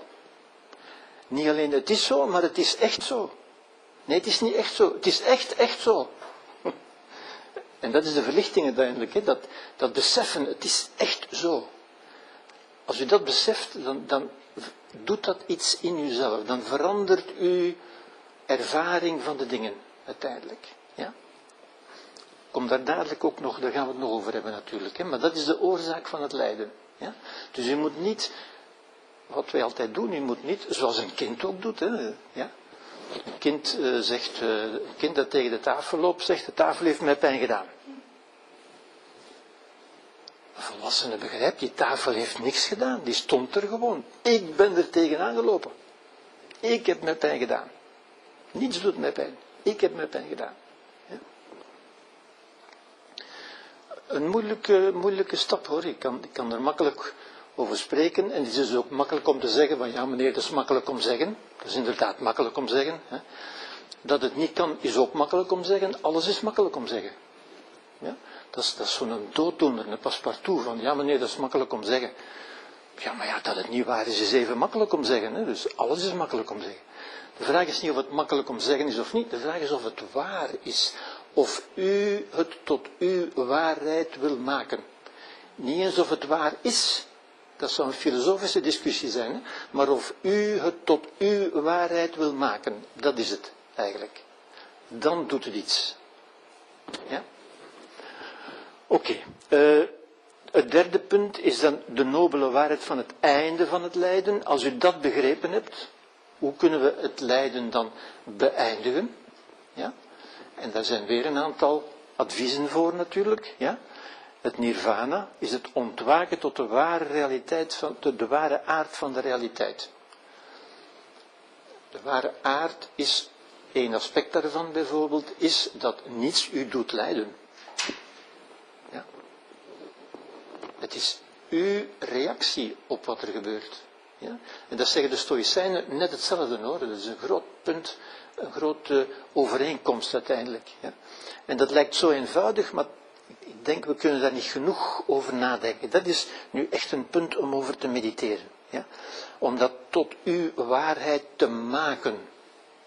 De vraag is niet, is dat waar? Nee, de vraag is, maak ik dat waar voor mezelf? Ja? En dat is echt een stuk meditatie. Hè? Ik denk dat een van de bedoelingen van meditatie is om dingen te interioriseren, u toe te eigenen. Ja? Van te zeggen, als ik dat nu echt geloof, wel dan ga ik voortaan zo leven. Zo ga ik leven. Ja? En het vierde is de nobele waarheid van het pad. Ja? Het pad is een beetje de handleiding, zou je kunnen zeggen, op de verschillende terreinen van activiteit van het leven, over hoe u dat kunt doen. Ja? Daar gaat natuurlijk heel veel over. Ja? De diverse aspecten van het leven. Eigenlijk is dit, deze vier punten, als u die onthoudt, als u die meeneemt, en ze hangen aan elkaar, het is niet moeilijk om te memoriseren in feite, maar dat is de kern van het boeddhisme. Dat is de echte essentie, ja. Ongeacht al de rest, al de rest mag u eigenlijk laten vallen, dat is de kern van het boeddhisme. Maar daar zijn we natuurlijk niet snel over uitgedacht. Ja, dat is echt wel iets om behoorlijk op te kouwen, zou ik zeggen. Ja. Goed, de nobele waarheid van het pad wordt, dat wordt meestal voorgesteld als zo een wiel met acht spaken. En die acht spaken, dat is het achtvoudige pad. Ik geef nu de klassieke termen, omdat u die in de literatuur ook tegenkomt. Dus het is goed dat u die, die kent. Niet dat dat geloofspunten zijn hoor, er zijn geen geloofspunten, hè, maar het is een manier van voorstellen. Ja? Het pad wordt voorgesteld als een, als een wiel met acht spaken. Er zijn andere voorstellingen van natuurlijk. Ja. En wat betekenen die spaken? Wel, die gaan over de juiste zienswijze, de juiste manier van kijken naar de dingen. Ja? En natuurlijk, de vraag is, die straks komt, van wat is juist natuurlijk. Hè? Het is nogal evident dat de juiste zienswijze dat dat juist is, maar wat is juist? En ook daar heeft de Boeddha weer, de, de Boeddha onderwijst de dingen niet door een filosofische argumentatie, maar door een verhaaltje te vertellen. Ja? Zoals Christus eigenlijk ook parabels vertelde. juist hetzelfde in feite. Hè? Een, een verhaaltje waar als u naar luistert, waar u zegt, ah ja, ah ja. Hè? Plots wordt u dat duidelijk in feite. Niet door, een, niet door een redenering, maar door een plots inzicht, een ontwaken in feite. En ook voor dat, dat begrip juist, hè? want dat is natuurlijk een abstract begrip, wat is juist? Hè? Wel, de Boeddha zegt, als je de, de snaren van een luid neemt, ja? als die snaren niet genoeg gespannen zijn, dan kun je er geen muziek op maken. Dat klinkt als een dof gerommel, eh, dat is geen muziek. Ja? Als die te hard gespannen zijn, dan is dat een schrille, hoge toon, dat is ook niet. Ook niet ja? Wat is juist? Wel, als je er mooie muziek kunt op maken. Ja? En dat is, dat is het, de middenweg weer. Geen van de twee uitersten, maar de middenweg ergens. Ja? Het juiste. Ja? En dat geldt voor vele dingen natuurlijk, de juiste, dus de juiste zienswijze, de juiste manier van kijken naar de dingen, naar de mensen, naar jezelf natuurlijk ook, ja? naar het leven. Het juiste denken? Het juiste spreken, heel belangrijk. Het boeddhisme vindt het spreken heel belangrijk, natuurlijk. Als u spreekt, Spreekt u ook altijd tegen uzelf, bijvoorbeeld? Ook heel belangrijk. Ja? Daarmee, daarmee maakt u uzelf. Ja? Het juiste handelen, het juiste levensonderhoud, de juiste inzet, de juiste aandacht. Komen we bij mindfulness natuurlijk. Ja? De juiste concentratie. Wat is juist? Wel, ik heb u dat net gezegd, hè? De, niet het omgekeerde van verkeerd maar dat, dat soort, ja, dan komen we weer in moeilijke woorden. Ik, ik, ben, ik ben geneigd, dat woord uh, komt in mij op natuurlijk, hè, van te zeggen, ja, in evenwicht. Dat is zo'n mooi woord, hè. en dat klinkt zo diepzinnig. Maar als u afvraagt, wat betekent dat eigenlijk? Dan weet u het niet. Hè. Wat, wat betekent dat evenwicht? Ik zie dat regelmatig zo mensen zeggen, je moet in balans leven en zo. Ja, ik vind dat fantastisch. Allee, wat is balans? Ja. En dat heb je hier natuurlijk ook. Hè? Ja. Het gepaste, het adequate zou je kunnen zeggen. Het gepaste om er mooie muziek mee te maken als je de snaren van een luid neemt. Ja? Het gepaste om er een mooi leven mee te maken als je het over ons leven hebt, zou ik zeggen. Ja? um, ja, dat is nog zo'n voorstelling. Het wordt dus altijd op zo'n manier voorgesteld. Het zijn dezelfde dingen die hier staan natuurlijk. Ja. Oké. Um, ja, oké.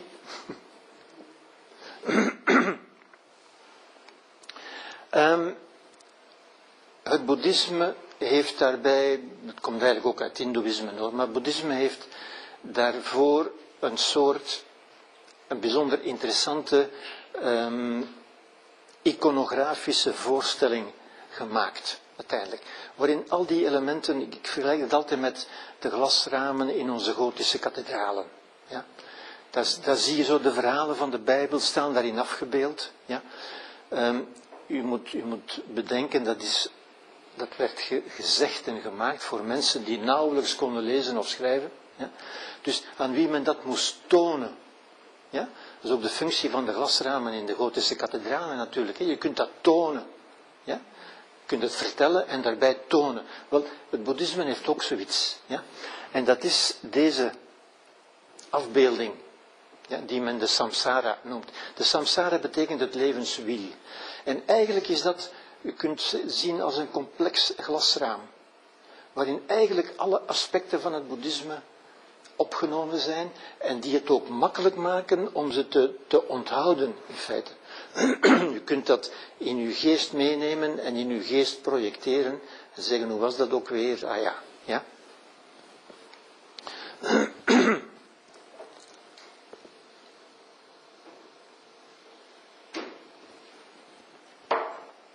Wat hier staat heb, ik heb dat een beetje vereenvoudigd om het duidelijker te maken. Ja? Het is hetzelfde als dit. Dit is hetzelfde als dat. Ja? Maar ik heb het een beetje vereenvoudigd. Als ik dat nog wat vereenvoudig, dan komen we op dit. Ja? Dit is met, met de hokjes niet ingevuld. Maar je zou kunnen zeggen, dit stelt het leven voor. Met name de verschillende levenstoestanden waarin wij kunnen verkeren, waarin we terecht kunnen komen. Zeg maar de levenservaringen, als u wil, existentiële ervaringen, als u wil, ja. En dat kan draaien, dat is een wiel. Ja? En dat wordt voorgesteld met een beetje, um, een beetje fantasierijke namen, zou je kunnen zeggen. Maar u kunt zich dat voorstellen. Wij zouden nu zeggen, dat zijn onze emoties. De manier waarop we ons kunnen voelen. Ja? En wij kunnen ons op een dag heel divers voelen. Wij kunnen van angstig zijn, naar kwaad zijn, naar blij zijn. Dat kan over weken, of dat kan ook op één dag, dat kan op één uur zijn. Wel, dat is wat hier. De verschillende manieren waarop u het leven kunt beleven. De verschillende belevingen, als het ware. Dat zijn die verschillende sectoren. Ja? U ziet, die, die cirkel is ingedeeld in sectoren. Ja? Nu, er staan een aantal belangrijke dingen op natuurlijk. Eigenlijk is alles belangrijk hier. Alles heeft zijn betekenis hier. Ja? Een van de eerste dingen die we kunnen zien hier, om het niet te vergeten, ja? En waar de Boeddha ook altijd opnieuw de nadruk op legt. En wat wij ook zo graag vergeten, natuurlijk. Ja? Dat is dat wiel, dat leven dus, ons leven, dat stelt ons leven voor. Het leven, maar ook ons leven. Ja? Dat wordt vastgehouden door een monster. Ja? Dat monster hier, die dat in zijn klauwen heeft. En dat monster kan eigenlijk op elk moment hap zeggen. Ja? En dat stelt voor natuurlijk de vergankelijkheid van het leven. Ja? Het, het besef, niet het besef, maar die vergankelijkheid moet leiden tot het besef ja? van dit moment is het enige wat er eigenlijk is. En dit moment is kostbaar. Want het kan ook het laatste moment zijn. Op elk moment kan dat eigenlijk in elkaar klappen. Het monster van de vergankelijkheid. Dat er altijd is. Ja? Dat wij zo graag vergeten natuurlijk. Hè? Ja? Als, als, we over rechten spreken en zo, van dat is toch mijn recht, eh, dat mag niet weg, want dat is van mij en zo verder, dan doen we alsof de dingen niet vergankelijk zijn. Maar alles is vergankelijk, alles wat er is, inclusief uw eigen leven, inclusief wat er in uw leven is, inclusief uw partner, inclusief uw kinderen enzovoort, kan op elk moment er ook niet meer zijn. Ja? Wij noemen zo'n zo'n gedachte, noemen wij zwarte gedachten. Ja? Daar moet je niet aan denken, ga maar op iets leuk doen, ga maar of zoiets. Ja? In het boeddhisme zijn dat gedachten van wijsheid. Dat is wijsheid. Daaraan denken juist, want dat is de realiteit. En dat is ook het ontwaken uit de illusie. De illusie dat, het er altijd zal zijn. Ja? Ik me daar niet mee bezig het zal het toch altijd zijn. Dat is van mij. Ja? Nee, het kan op elk moment er niet meer zijn. Zie je, ook dat is wakker worden uit een illusie. Ja? Die uiteindelijk leidt, of kan leiden, ja? als we ons verzet daartegen. Ja? Want sommige mensen vinden dat, vinden dat een afschuwelijke gedachte. Dat is lijden. Ziet u? Het, het, het idee over die gedachte. Als u zegt dat is een afschuwelijke gedachte, dat is lijden. Dan verzet u zich tegen die gedachte. Als u die gedachte aanneemt, van ja, dat is de realiteit, dan wordt u wakker uit een droom, uit een illusie. Ja? En wordt uw leven eigenlijk rijker. Waarom? Omdat, omdat dan wat er nu is, belangrijk wordt. En ziet u, u moet niet hopen, u moet niet bang zijn, u moet ook niet hopen. Ja? Maar het is gelukkig zijn, het goede leven is iets om nu te cultiveren, want nu is het enige moment dat er is. Ja? Al de rest, ja, goed. Belangrijk punt natuurlijk. Ja? Dan um, die verschillende ervaringen, zou je kunnen zeggen, die aangeduid worden als goden, halfgoden, dieren enzovoort. Men kan daar allerlei verklaringen, allerlei omschrijvingen bij geven. Hè. Dieren zijn onze dierlijke instincten bijvoorbeeld. Goden, dat zijn de mensen die het ogenschijnlijk getroffen hebben. Ja, waarvan wij zouden zeggen, ja, die leeft toch wel lijkt God in Frankrijk, bijvoorbeeld. Ja? Die in onze ogen alles, alles hebben om gelukkig te zijn, maar die het in wezen heel vaak toch niet zijn. Ja? Omdat die dan ook angstig zijn van het te verliezen, bijvoorbeeld. Of dat anderen het zullen komen nemen, of dat het zal verdwijnen, en zo verder. Ja?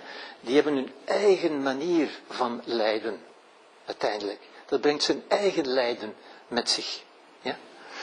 Um, u ziet hieronder de helbewoners. De helbewoners, dat is het omgekeerde natuurlijk. Ja? Dat is waar u in terecht komt, waar u in terecht kunt komen. Ja? Als u iets, u, niet wat u overkomt, ja, maar waar u in terecht kunt komen. Ja? Als u iets doet of iets gedaan hebt, dat in uw eigen ogen bijzonder afkeurenswaardig is. Waar u zich over schaamt, bijvoorbeeld. Ja? Of bijvoorbeeld, zoals bij Dostoevsky zo vaak staat, hè, u, hebt iemand, u hebt iemand vermoord om zijn fortuin te pakken.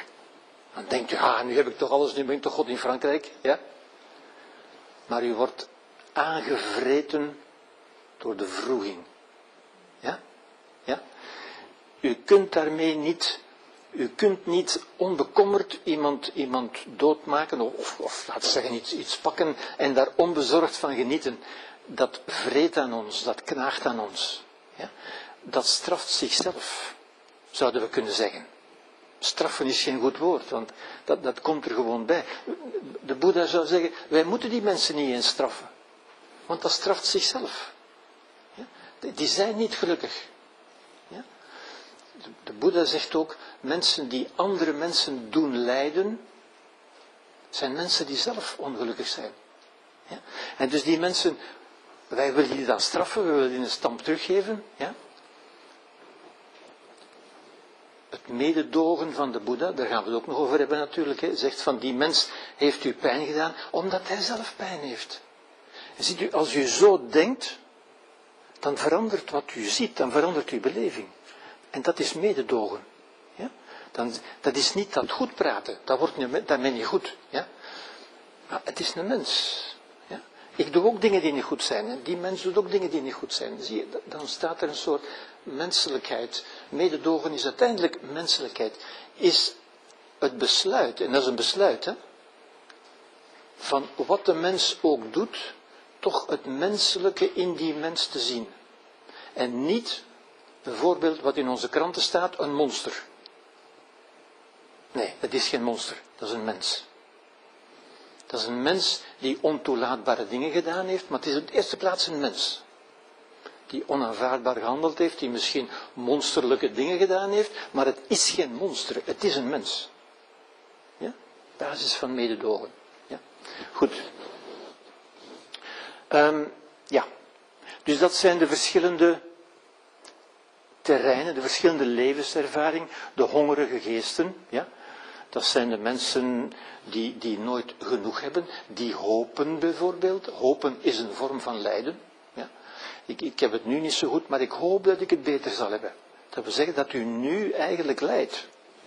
Ja? Daarom niet het grote lijden, maar toch een lijden. Er is op dit moment een tekort aan welzijn. Elk tekort aan welzijn is een lijden, in zekere zin. Ja? Goed. Oké. Okay. Hier staat, staat nog veel op waar ik nu niet kan op ingaan, omdat het, ons te veel tijd zou vergen. Maar u ziet ook um, dat leven wordt ingesloten door deze dingen hier, die beschouwd worden, wat hier staat, als een ketting die ons geketend houdt in het leven waar wij in zitten, die ons gevangen houdt, in zekere zin, die het ons bemoeilijkt om, om eruit te stappen, zou je kunnen zeggen. Ja? En ook die hebben weer allemaal een betekenis, waar ik nu niet ga op ingaan, maar dat zijn allemaal aspecten, allemaal dingen die het ons kunnen bemoeilijken om te ontwaken, om uit onze illusie wakker te worden. Ja? We gaan daar gaandeweg uh, wel over spreken. Ja?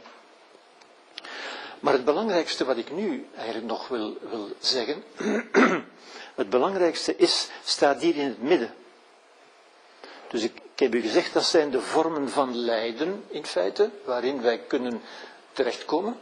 Ja? De oorzaak van het lijden, de tweede nobele waarheid, staat in het midden. Dus u ziet, dat komt niet van buiten, het komt van binnenin. Het komt van binnen in ons. De oorzaak zit in ons. Ja? En die oorzaak, um, ja, ja, hier ga ik doorheen gaan. Wacht. Ja, ik ga die niet apart uh, bespreken. Ik ga terug naar dit, naar het hier en naar. En naar dat. Dus dit is het, dat centrum hier, vergroot ik even uit tot dat. Ja? En daarin staat dus ook de oorzaak van het lijden. In het centrum van ons leven zit de oorzaak, de oorzaak en de bron van ons lijden, in feite. Ja? En u ziet, er wordt veel met, dieren gewerkt hier, maar dat is natuurlijk uh, verbeelding, ja, om dat aanschouwelijk voor te stellen. U ziet, hier zitten drie dieren in. Ja. Er is om te beginnen de haan van de gehechtheid.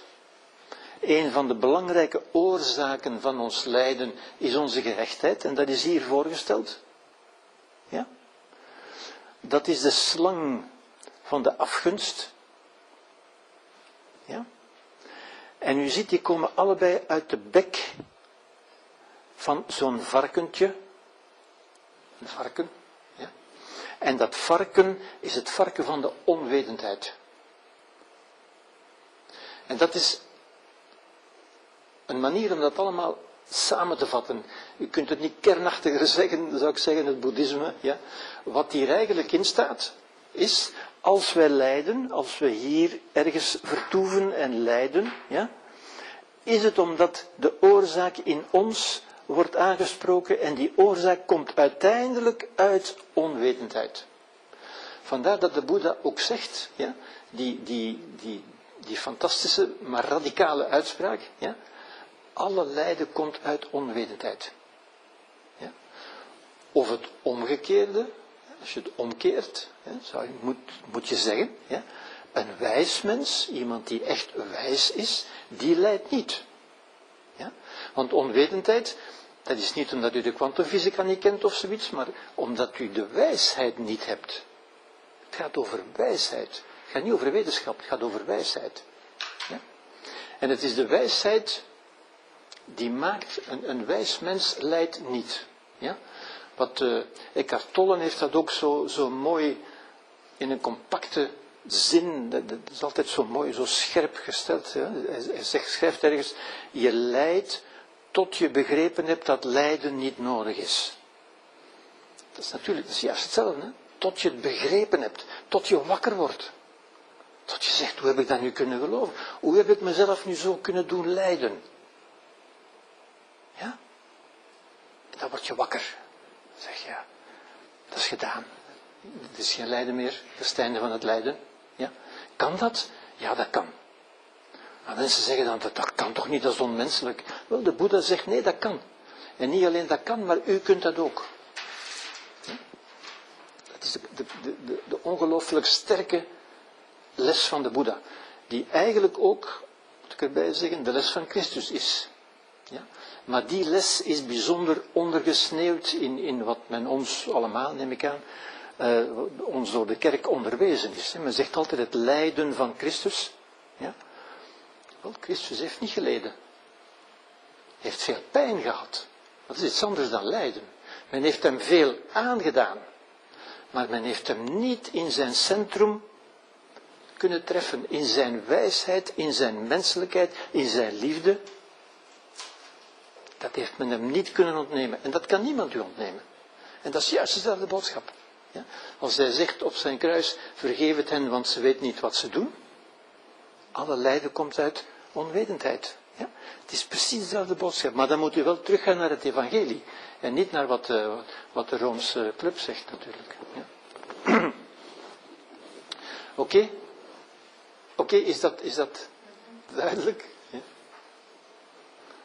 Zijn daar vragen bij? Mijn grootmoeder die zei vroeger altijd, drie ergste dingen die ze eigenlijk kunnen aandoen, dat is uh, pijn, honger en kou. Ze dat, eigenlijk is het, de mens is zo, zo geschapen dat wij eigenlijk, dat wij daar geen herinnering aan hebben. Dus want eigenlijk als jij geen honger hebt, alleen als met een volle maag kun je nooit voorstellen wat het is om honger. Mm -hmm. Mm -hmm. En lijden is ook altijd maar, pijn is een, altijd maar een momentopname. En het moment Dat is waar. Dat is waar. Dat zijn dingen wat je ook niet echt kunt voorstellen. Dat is waar. Maar dat zijn momenten van, van pijn, niet van lijden. Lijden is nog iets anders. Zoals geluk iets anders is dan plezier, is lijden iets anders dan pijn. Hè? Ja, maar allee, pijn, en kou, ik zie dat eerlijk, veel mensen zien dat eerlijk als lijden. Ja, maar dat is de onwetendheid. Ja, Hè? Omdat ze niet, niet verfijnd genoeg erover denken, in feite. Ja? Ja. Ook de les van Christus. Hè? Men, kan, men kan je van alles aandoen. Ja? Maar men kan je nooit je, je essentiële mens zijn ontnemen. De Boeddha zegt eigenlijk juist hetzelfde. Hè? Ja? Goed. ehm, de westerse psychotherapie. Ja, dat kan ik hier nu goed eh, op illustreren, zou ik kunnen zeggen. Ja? Ehm, is een cultuur van reparatie, genezing en herstel. U kent die woorden natuurlijk wel. En van heling en zo verder, en wonden en kwetsuren en zo verder en zo verder. Ja? Ehm, ik ga hier doorheen gaan, maar ik ga het u tonen. Als ik u dat hier toon, wat de westerse, ja, wij gaan naar een therapeut met een of andere klacht. Ik bevind mij hier, ik bevind mij daar, en je moet eens weten wat ze mij hebben aangedaan. Het is zo normaal dat ik mij zo voel, en zo verder en zo verder. Ja? Dan zal men, dan, wat de westerse therapie doet, is dat een beetje verplaatsen naar een ander gebied. Dat een beetje anders bekijken, zodanig dat uw gevoel daarover verandert. Ja? En dat kan eindeloos doorgaan. Ja? Men, komt van, men kan van het ene naar het andere gaan. Ja? En dat blijft vaak ook maar doorgaan. Ja? Nu, het is een beetje een karikatuur die ik maak, maar niet zoveel. Van de westerse therapie, zou ik zeggen. Ja? Dus dat is de westerse therapie, in feite. Hè? Die probeert dat een beetje te, te, op te leuken, zou ik zeggen. Een beetje te verfraaien, een beetje beter te maken. Ja? Maar blijft in wezen in, in die samsara, zal ik nu maar zeggen, blijft er eigenlijk in zitten. Heel vaak. Niet altijd, niets is altijd, maar doorgaans. Ja? De ja, dat kan doorgaan natuurlijk. De Oosterse benadering is een cultuur van inspiratie, inzicht en creatie. Ja? Er moet niks hersteld worden, essentieel inzicht, alle, alle lijden is verzet. Is weigeren ja, te aanvaarden wat er is. En u moet dus luisteren naar de mensen hoe vaak ze dat woordje aanvaarden gebruiken. Ja? Ik kan dat niet aanvaarden.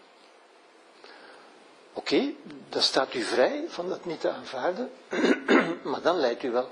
Ja? Dat is het lijden. Niets doet u lijden, tenzij uzelf. Ja?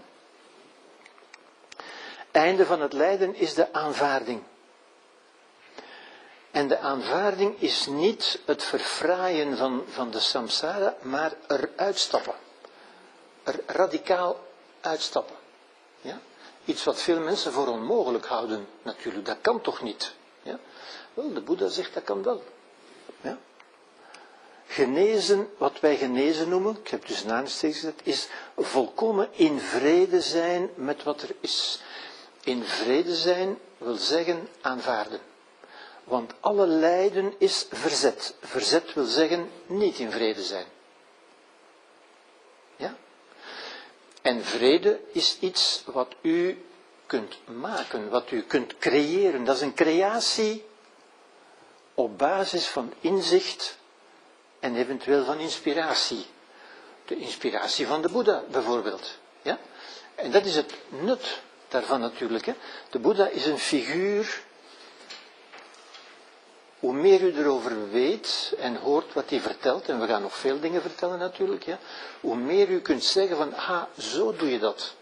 Of u kunt zeggen, wat, wat zou de Boeddha in mijn plaats, wat zou die gedaan hebben? Hoe zou die dat aangepakt hebben? Ja? Zie, dat is inspiratie. Je inspireren aan iemand. Ja? Wat je ook met Christus kunt doen. Ja? Maar de Boeddha is, ja, in mijn ogen, een, een nog, nog scherper, nog duidelijker figuur uiteindelijk. Ja? Omdat hij omdat die tot ons spreekt hier en nu. Het gaat niet over in het hiernamaals of zo, of het zal u beloond worden. Nee, nee, hier en nu. Ja? Het is niet nodig alles eerst in orde te maken, zoals wij vaak denken. Ja? Ik moet heel mijn verleden in orde maken, ik moet het allemaal terug gaan, gaan omspitten en zo verder. Ja? De Boeddha lacht daarmee. Nee, dat, dat is het niet. Ja? Als ik dat terug hier, ja, eh, ik ga hier een beetje door, we komen daar straks wel op, of eh, later wel op terug. Als ik dat hier aantoon, dus dat is wat de westerse therapie zal doen, wat de Boeddha voorstelt is, stap daaruit. Ja? En hier staat hij, hier staat de Boeddha. En zie je, de Boeddha is degene die ontwaakt is, die eruit gestapt is. Uit, uit die cirkel van lijden, uit die molen van dat lijden. Je stapt eruit, omdat je wakker wordt, omdat je de illusie doorziet. Ja? En hoe doet hij dat? Wel, dat staat hier ook op. Hè? Hij doet dat, ja. En hij wijst, hij wijst naar de maan, die het symbool is van wijsheid. Ja? Dus hier staat de hele leer eigenlijk op. Ja? Het lijden, de oorzaak van het lijden, het beëindigen van het lijden, eruit stappen. En hoe doe je dat? Wel door wijsheid door levenswijsheid, door wakker worden uit de illusie eigenlijk. Ja? Wijsheid is eigenlijk niet meer dan wakker worden uit de illusie. Gaan inzien dat veel van de dingen die je geloofd hebt eigenlijk gewoon niet waar zijn. Ja? Alles wat u zegt, dat was van mij, dat is van mij. Maar dat is eigenlijk gewoon niet waar. Dat is niet waar. Wat zou er nu van u kunnen zijn? Ja? Ik zeg vaak tegen mensen, ik ben ik ben naakt en met niets ter wereld gekomen en het meeste daarvan heb ik nog. Al de rest zijn dingen die je mag gebruiken. Maar zeggen, dat is van mij, dat stuk grond, dat stuk van de planeet, dat is van mij. Dat is toch waanzin? Zie je, het doorzien van die illusies. Dan vallen ook die gehechtheden weg. Ja? Dan ontstaat er een andere levensdynamiek uiteindelijk. Ja? Oké. zijn, daar, zijn daar vragen bij? Dus dat is de, de, de radicale stap van de, van de Boeddha, hè, van er gewoon weg uit te stappen. Je stapt eruit door, door het besef dat dat mogelijk is en dat u het kunt op basis van inzichten en inspiratie. Ja. Hoe heeft de Boeddha dat gedaan? Ah ja, zo kan ik dat ook.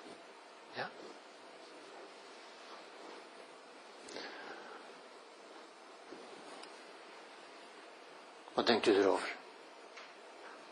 Bent u al meteen verlicht? Dat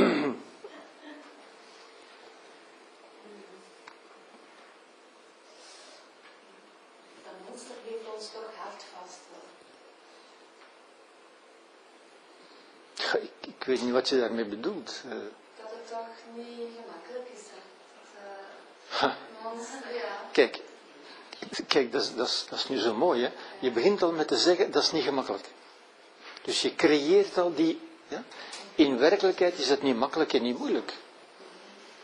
Zie, dat zijn onze illusies weer. Hè? We denken dat is, dat is moeilijk, maar dat is een illusie. Dat is niet moeilijk. Dat is ook niet gemakkelijk. Dat heeft niks te maken met moeilijk of makkelijk. De vraag, de vraag is, wat de Boeddha ook altijd zegt, onderzoek het voor jezelf. Ja? Als u zegt het is niet makkelijk, dan creëert u al een barrière voor jezelf. Hè? Ja? Het is niet makkelijk en het is niet moeilijk, maar ga ik dat meenemen? Ga ik dat tot mijn waarheid maken? De vraag is niet, is dat waar? De vraag is, ga ik het tot mijn waarheid maken? Het is wel afgebeeld als monster. hè. Het is toch wel... Ja, dat is waar. Dat is waar. Dat is waar. Dat is waar. Niemand vindt dat fijn natuurlijk, hè. Op zich is dat niet fijn, hè. Maar het is wel de realiteit.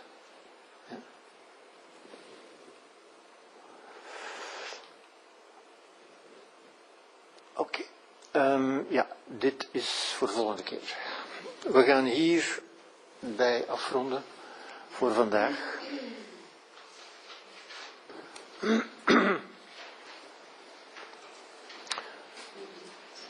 Nog vragen of bedenkingen?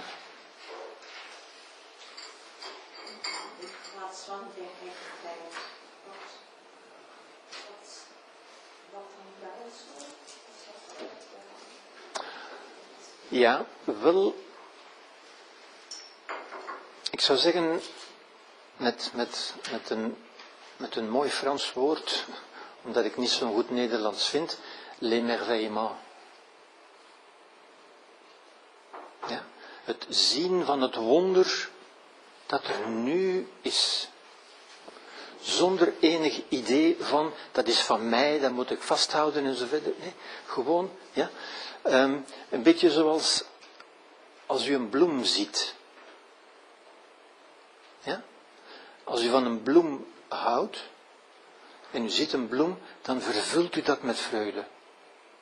Niet omdat die bloem van u is, maar gewoon omdat ze er is. En omdat u er mag bij zijn. Omdat u bij zoiets moois mag bij zijn. Niet omdat het van u is. Ja? Eigenlijk zegt, zegt Christus dat ook hoor. Hij zegt, het geluk van de hemel, dat is dan wel in het namaals, maar, maar het is hetzelfde idee. Wat is het geluk in de hemel? Ja. Aan kinderen zegt men rijstpap met gouden lepeltjes, hè, maar dat is het niet. Wat zegt Christus daarover? Ja. Hij zegt, het geluk, het, het volmaakte, het eeuwige geluk in het hiernamaals, is het, het aanschouwen. Niet het bezit, maar het aanschouwen van de oneindige schoonheid, de oneindige heerlijkheid van God. Als u iets ziet, als u iets moois ziet, vervult u dat met vreugde. Als u iets ziet dat oneindig mooi is, vervult u dat met oneindige vreugde. En het is dat, dat cultiveren ja, van, van de vreugde om er nu te mogen zijn bij alles wat er is. Want het is geen recht. En wij zien het veel als een recht, dat is toch maar mijn recht. Dat is toch maar gewoon, hoe moet ik dat nu? Dat is toch maar mijn recht zeker? Ja? Ziet u, dan hebt u geen émerveillement, geen enchantment meer. Hè? Ja? En dat is een beetje de, de ja, als u ziet, de, Dalai Lama bijvoorbeeld, die, die, die lacht altijd. Ja? Hoe kan dat? Omdat hij de vreugde heeft van er te zijn, de vreugde van er te zijn, nu. Ja? Enfin, het is een moeilijk punt om uit te leggen, hè, maar ja, begrijpt u het? Kunt u erin komen? Is dat het ook, heeft dat ook met dankbaarheid te maken? Als je bijvoorbeeld over persoon hebt, waar je toch?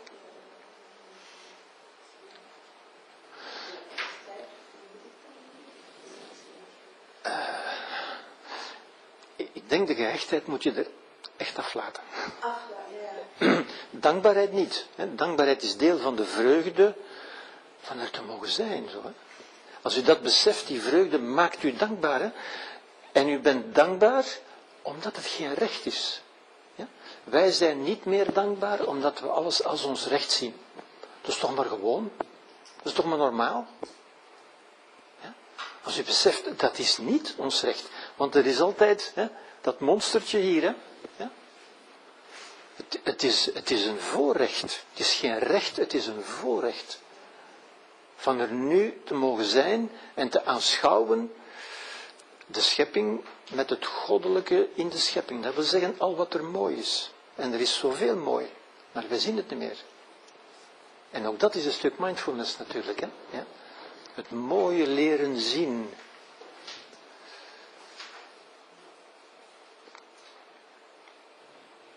Hoe meer dat ik dat zie en hoe meer dat ik dat hoor, hoe meer dankbaarheid komt er bij mij binnen van uh, ongemakkelijke gebeurtenissen die ik heb meegemaakt.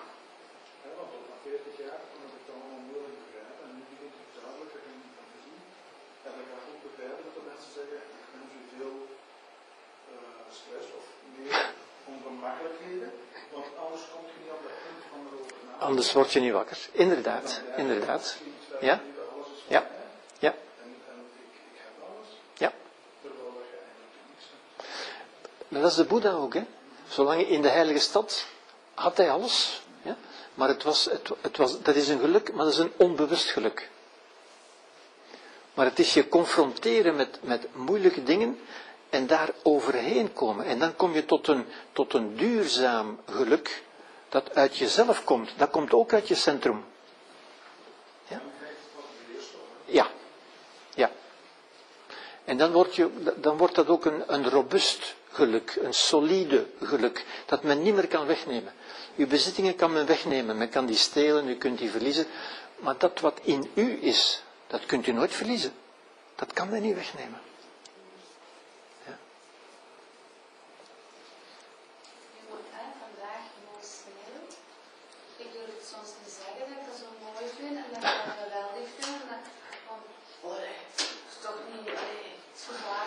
Yeah.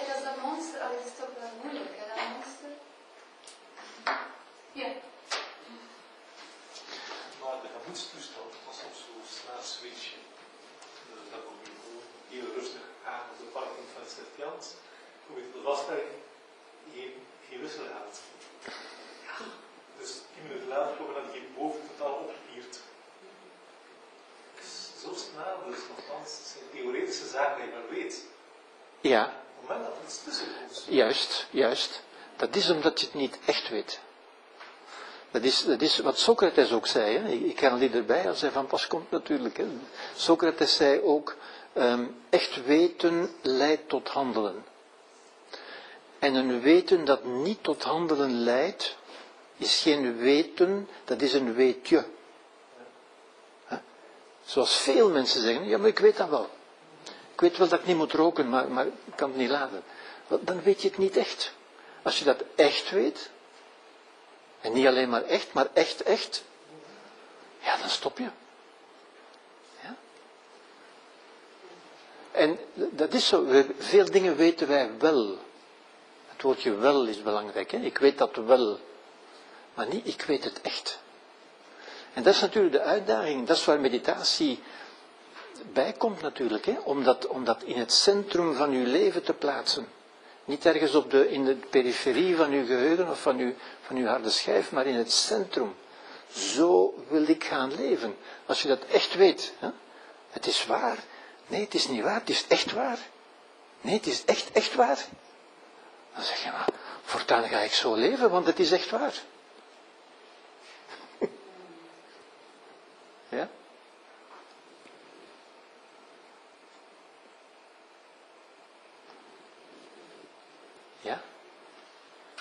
Verlichting of verbijstering?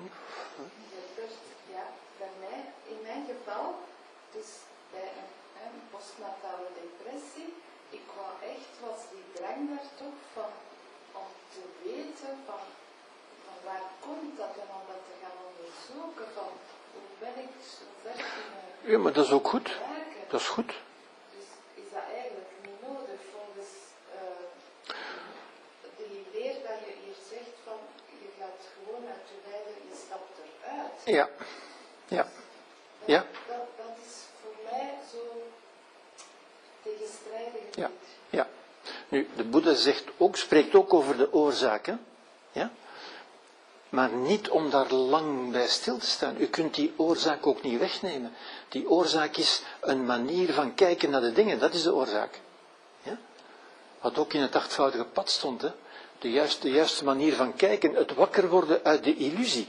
De oorzaak is altijd een illusie. Iets wat u gelooft, en waar u gehecht aan bent. Nu, het gehecht zijn is ook een geloof. Hè? U, u gelooft dat dat van u is, of dat u daar recht op hebt, of zoiets. Hè? Maar het eruit stappen is nog, nog iets anders natuurlijk. Hè? Dat is het, het wakker worden in het besef, ja, ik kan gelukkig zijn nu, hier. Ja? Je hebt daar niks voor nodig. Het is de vreugde om er te zijn, zoals Spinoza dat zou zeggen. Ja? De vreugde om te beseffen dat u er bent en dat dat geen recht is. Ja? Ik weet niet of ik me duidelijk genoeg uitdruk, want het blijft natuurlijk, ik weet dat is een moeilijk punt natuurlijk. Hè? Nee, omdat op dat levenswiel staat, uh, alle lijden komt voor uit onweten. Ja, ja. Dus je hebt, ik had die drang om te weten van Ja. hoe ben ik Ja. zo diep kunnen. Ja, maar dat is oké. Dat is oké. Het, het is, het is oké dat u dat wil weten. Ja? Maar eigenlijk zegt hij het al hier. Ja? Het, komt, het komt omdat u ergens aan gehecht bent, of ergens een aversie, ergens iets niet aanvaardt wat er is, of iets wil wat er niet is, die allebei komen uit onwetendheid. Eigenlijk volstaat dat. Ja? En u kunt dan zeggen, waar, waar heb ik mij aan vastgeklampt? Wat geloof ik dat ik nodig heb dat er niet is? Waar, hoe maak ik mij ongelukkig? Dat is natuurlijk een, dat is een goede, reflectie. Maar ook, hoe kan ik nu gelukkig zijn? Ja, Door nu mijn ogen open te doen, door nu wakker te worden.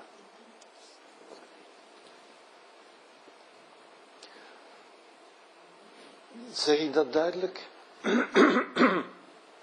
Is dat duidelijk voor iedereen?